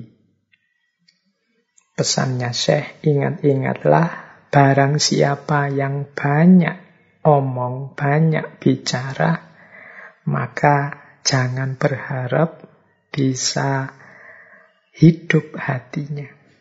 Jadi terjaga hatinya. Yakdoh itu terjaga. Jadi man kasuro kalamuhu falatat ma'u fi yakdhoti kolbihi. Barang siapa banyak bicaranya, maka jangan harap bisa bangun hatinya, bisa hidup hatinya. Ya karena Orang yang terlalu banyak bicara itu kan biasanya memang jarang berefleksi. Sulit berpikir mendalam. Kalau ngomong terus ya pada akhirnya hatinya sendiri mati. Yang hidup mulutnya. Kemudian yang kedua, ya kalau sekarang mulut itu bisa diganti dengan jempolnya. Karena kita ngomong hari ini kan tidak hanya lewat suara tapi juga lewat chat lewat teks di media sosial. Yang kedua, man kasuro kalamuhu falatat ma'u fi antasila ilaihil hikmah. Barang siapa yang banyak bicaranya, maka jangan harap untuk bisa sampai ke level hikmah. Level hikmah itu mudahnya untuk mengambil pelajaran-pelajaran utama dalam hidup. Ya karena orang sibuk ngomong terus, sibuk komentar terus. Tidak ada waktu untuk mencerna kebenaran, mencerna kebaikan. Pada akhirnya dia tidak sampai pada level hikmah. Itu pesan kedua kepada para tamunya. Yang ketiga, Man kathura ikhtilatuhu bin nasi falatat ma'u fi nawalihi khalawatal ibadah. Barang siapa yang terlalu banyak pergaulannya dengan manusia, maka jangan harap memperoleh manisnya ibadah. Ini Bukan berarti kita dilarang bergaul dengan orang lain. Ya manusia itu makhluk sosial. Pasti dia membutuhkan orang lain, perlu untuk berinteraksi dengan orang lain. Tapi semuanya ada waktunya, ada jatahnya. Jangan terlalu banyak. Terlalu banyak istilat dengan orang lain, yaitu nanti akan berpengaruh pada diri kita. Dan kata Syekh, membuat kita sulit memperoleh manisnya ibadah. Manisnya ibadah itu kan kita peroleh ketika kita bisa merasakan asiknya bersama Allah. Sementara kalau kita sudah terlalu asik, terlalu tercampur, terlibat dengan orang lain, ya kita nyamannya ketika istilat dengan orang lain. Ketika kita holwat dengan Allah, kehilangan rasa akhirnya. Mungkin menurut kita jadi tidak asik. Asik itu kalau ada orang lain ngomong bisa saut-sautan dan lain sebagainya. Nah, ini pesan yang ketiga. Yo, memahaminya bukan berarti jangan bergaul, tapi jangan terlalu banyak bergaul. Kemudian yang keempat. Man afroto fi hubbid dunya khifa alaihi su'al khotimah wal billah. Jadi yang kedua, barang siapa yang berlebihan mencintai dunia, maka ditakutkan ia akan meninggal dalam kondisi su'ul khotimah. Wal billah, semoga kita dapat perlindungan dari Allah dalam hal ini. Nah, ini juga penting ya, orang yang terlalu berlebihan mencintai dunia, ya hidupnya sepenuhnya untuk mengejar hal-hal duniawi. Kuatirnya sampai meninggal itu pikirannya hanya sibuk tentang keduniaan saja. Ini bisa membuat dia meninggal dalam kondisi su'ul khotimah. Wal billah. Semoga kita terlindung dari situasi semacam ini. Kemudian yang kelima. Mangkana jahilan falatar jufihi hayatal kolbi. Barang siapa bodoh, maka jangan harap hatinya hidup. Wah ini sebenarnya sindiran bagi kita untuk yuk terus belajar biar ndak bodoh. Terus nambah ilmu, nambah wawasan biar ndak bodoh.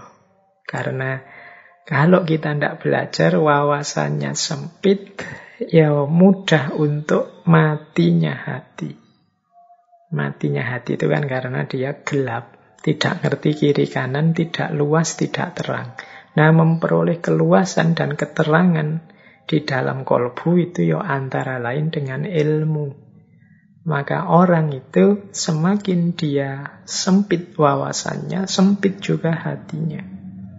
Maka mangkana jahilan falatarju fihi hayatal kolbi. Barang siapa bodoh, jangan harap hatinya hidup. Kemudian, man ikhtara suhbata zulmi falatarju fihi istiqomatat din. Barang siapa yang lebih memilih bersahabat dengan orang zolim, maka jangan berharap akan mendapatkan istiqomah dalam agama. Jadi kalau jelas ada orang zalim, ya kita jangan mendekat, apalagi dijadikan sahabat suhbatat zulmi.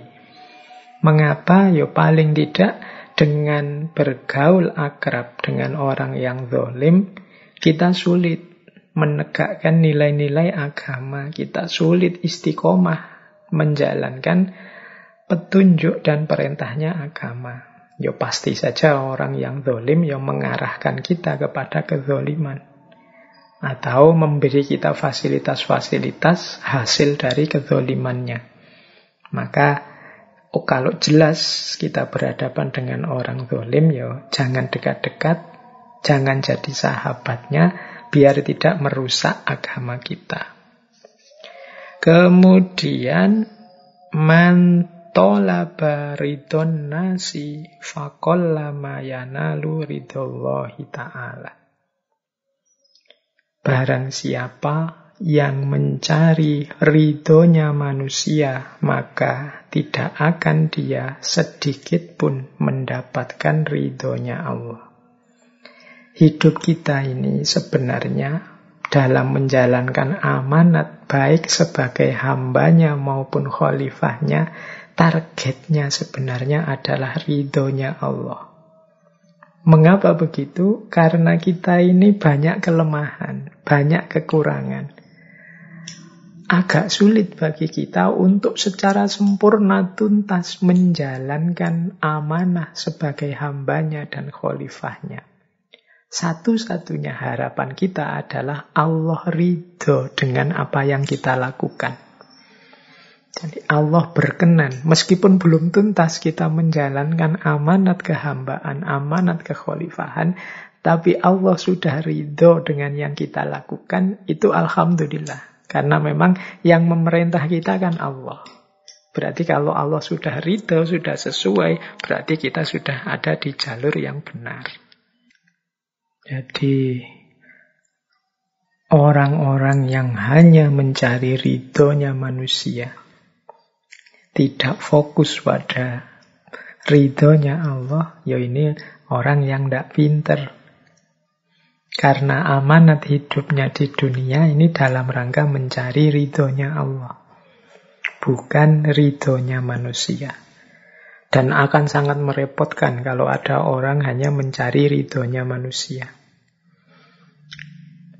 Manusia itu macam-macam. Perspektif cara berpikir, paradigma, dan nilai hidupnya. Sehingga orang yang fokus pada ridhonya manusia, itu dia akan kerepotan sekali. Mungkin yang dia lakukan menyenangkan orang tertentu, tapi menyusahkan orang yang lain. Mungkin yang dia lakukan disukai sekelompok orang, tapi dibenci orang yang lain. Ya mudahnya kalau teman-teman cek di medsos-medsos, mungkin teman-teman punya YouTube, punya channel, punya apa sendiri. Mungkin dianggapnya, wah ini loh sebenarnya penting, bagus, luar biasa. Kok masih ada yang tidak suka ya? Ya memang setiap orang beda-beda selera, keinginan, dan standarnya. Maka sangat tidak pinter kalau ada orang hanya fokus mencari ridhonya manusia. Pasti akan sulit dia capek. Kalau Allah bisa dipastikan Allah itu Rahman Rahim, Wafurur Rahim, jadi mudah untuk mendapatkan ridhonya Allah asal kita menjalankan apa yang diperintahkan dan menjauhi apa yang dilarang. Dan sebenarnya itulah amanah utama dalam hidup kita. Jadi baik, jadi sudah ada malam hari ini kita belajar tentang tiga pertanyaan, empat nasihat, lima syarat, enam petunjuk, dan tujuh perkara. Yo masih ada banyak cerita-cerita kisah-kisah hikmah dari Syekh Ibrahim bin Adam. Tentu saja tidak mungkin kita angkat semua malam hari ini. Yang jelas, mari teman-teman tidak berhenti belajar, tidak berhenti membaca. Ada kisah yang saya ingat, mungkin dulu pernah saya ceritakan itu ya. Mungkin saya ulang lagi, mungkin masih berguna ringkasnya. Bagaimana orang itu jangan mudah berprasangka. Jadi ini kalau tadi kan kisah utama-utama mulianya Syekh Ibrahim bin Adham. Tapi ada juga cerita beliau ini berpikiran negatif, berpikiran buruk suatu ketika. Tapi langsung diingatkan oleh Allah. Jadi satu ketika Syekh ini jalan-jalan di tepi pantai, tidak sengaja melihat seorang laki-laki dan perempuan sedang duduk berdua bercakap-cakap kok asik sekali. Dan di sebelahnya ada botol-botol rasanya seperti botol minuman keras yang isinya baru saja kosong. Nah, saya Ibrahim melihat ini itu terus geleng-geleng kepala sambil istighfar. Astagfirullah kok ada ya? Manusia kayak gini? Senang sekali dengan maksiat. Asik berdua dengan perempuan minum minuman keras. Apa dia tidak sadar itu dosa? Baru saja batin seperti ini tiba-tiba tidak jauh dari tempat itu wong tadi tempatnya di pantai tiba-tiba ada ada kapal yang terhempas di pinggiran pantai. Dari dalamnya ada beberapa orang yang tenggelam. Jadi ada ada lima orang yang berjuang untuk selamat dari atas kapal atau mungkin perahu itu.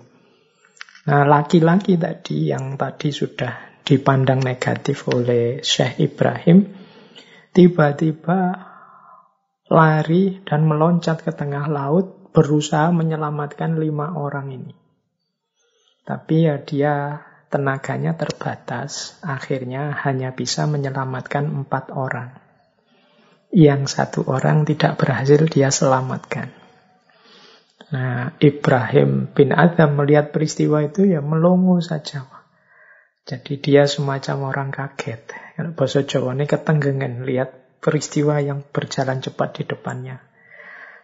Nah, dia melihat pemuda tadi bersusah payah, eh, pandangannya agak geser tentang pemuda tadi.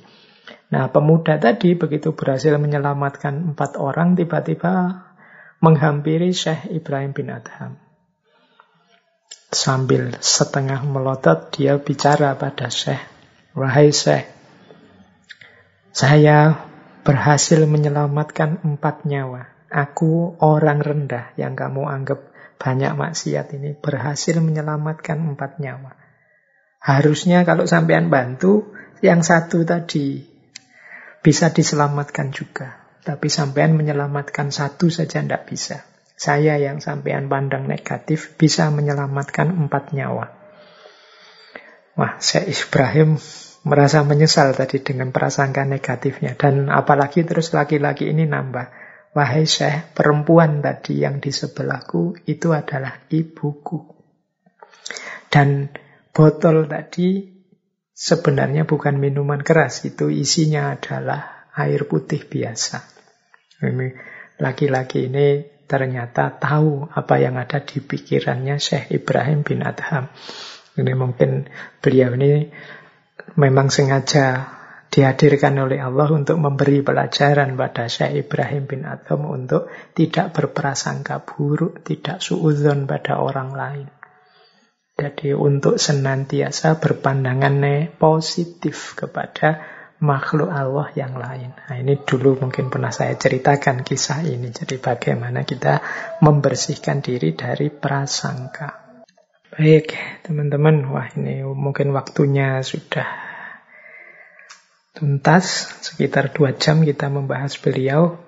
Saya ingin menutup sesi malam hari ini dengan cerita juga. Ini ada kisah satu ketika Syekh Ibrahim bin Adham ini melihat ada seorang laki-laki yang memprihatinkan sekali. Dia ini tidak punya tangan, tidak punya kaki, dan buta. Nah, teman-teman bisa membayangkan ya situasinya ini. Hidupnya mengenaskan sekali. Tetapi dari mulut laki-laki ini selalu keluar ucapan-ucapan syukur. Segala puji bagi Allah atas segala nikmat yang begitu besar. Jadi alhamdulillahirabbil alamin. Selalu muncul kalimat-kalimat pujian, rasa syukur kepada Allah. Nah, Syekh Ibrahim takjub dengan orang ini. Kemudian bertanya, Wahai Tuhan, saya melihat sampean ini begitu mengenaskan, memprihatinkan hidupnya. Apa sih yang membuat Sampean ini masih bersyukur saja kepada Allah. Biasanya orang yang seperti ini kan isinya memohon-mohon, meminta-minta macam-macam kepada Allah. Ini malah bersyukur terus. Orang ini kemudian bilang, ah, Alam yuktini lisanan zakiron wa kolban syakiron. Kata orang ini, bukankah Allah menganugerahiku mulut yang senantiasa menyebut namanya dan hati yang senantiasa bersyukur. Jadi mudahnya orang ini menjawab, meskipun aku tidak punya tangan, tidak punya kaki, mataku buta, tapi Allah memberiku anugerah yang luar biasa, yaitu mulut yang senantiasa menyebut namanya. Tadi kan selalu mengucap syukur Alhamdulillah, dan hati yang senantiasa bersyukur. Ini jauh lebih berharga dari tangan, kaki, dan mata. Karena sifatnya lebih hakiki dalam kehidupan ini. Nah, kisah terakhir ini mungkin pelajaran bagi kita. Siapa saja, ya hidup ini mungkin banyak hal-hal menyulitkan. Banyak hal-hal memprihatinkan untuk kita masing-masing dengan problem masing-masing kita. Tapi jangan lupa, Allah memberi nikmat banyak untuk kita yang sering tidak kita sadari. Nikmat iman, nikmat Islam, nikmat kesadaran untuk berbuat baik, nikmat mulut yang masih mau menyebut namanya, nikmat semangat untuk menjalankan perintahnya, dan masih banyak lagi yang lain. Dan itu lebih penting, lebih hakiki. Mungkin kalau dibandingkan masalah-masalah sehari-hari yang setiap hari kita keluhkan.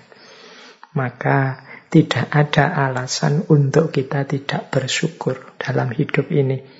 Insya Allah dengan terus bersyukur, la insya kartum la asidannakum. Kalau engkau bersyukur, pasti akan aku tambah nikmatku. Baik, saya kira itu ya teman-teman. Jadi malam hari ini mungkin isinya pelajaran-pelajaran, isinya hikmah-hikmah dari ranah tasawuf. Seperti sering saya bilang, tema-tema seperti ini mungkin tidak terlalu sulit untuk dicerna. Yang lebih sulit adalah bagaimana kita bisa menjalankannya, menerjemahkannya dalam hidup kita. Saya akhiri sekian, kurang lebihnya mohon maaf. Wallahul muwafiq, wallahu a'lam bisawab. Wassalamualaikum warahmatullahi wabarakatuh.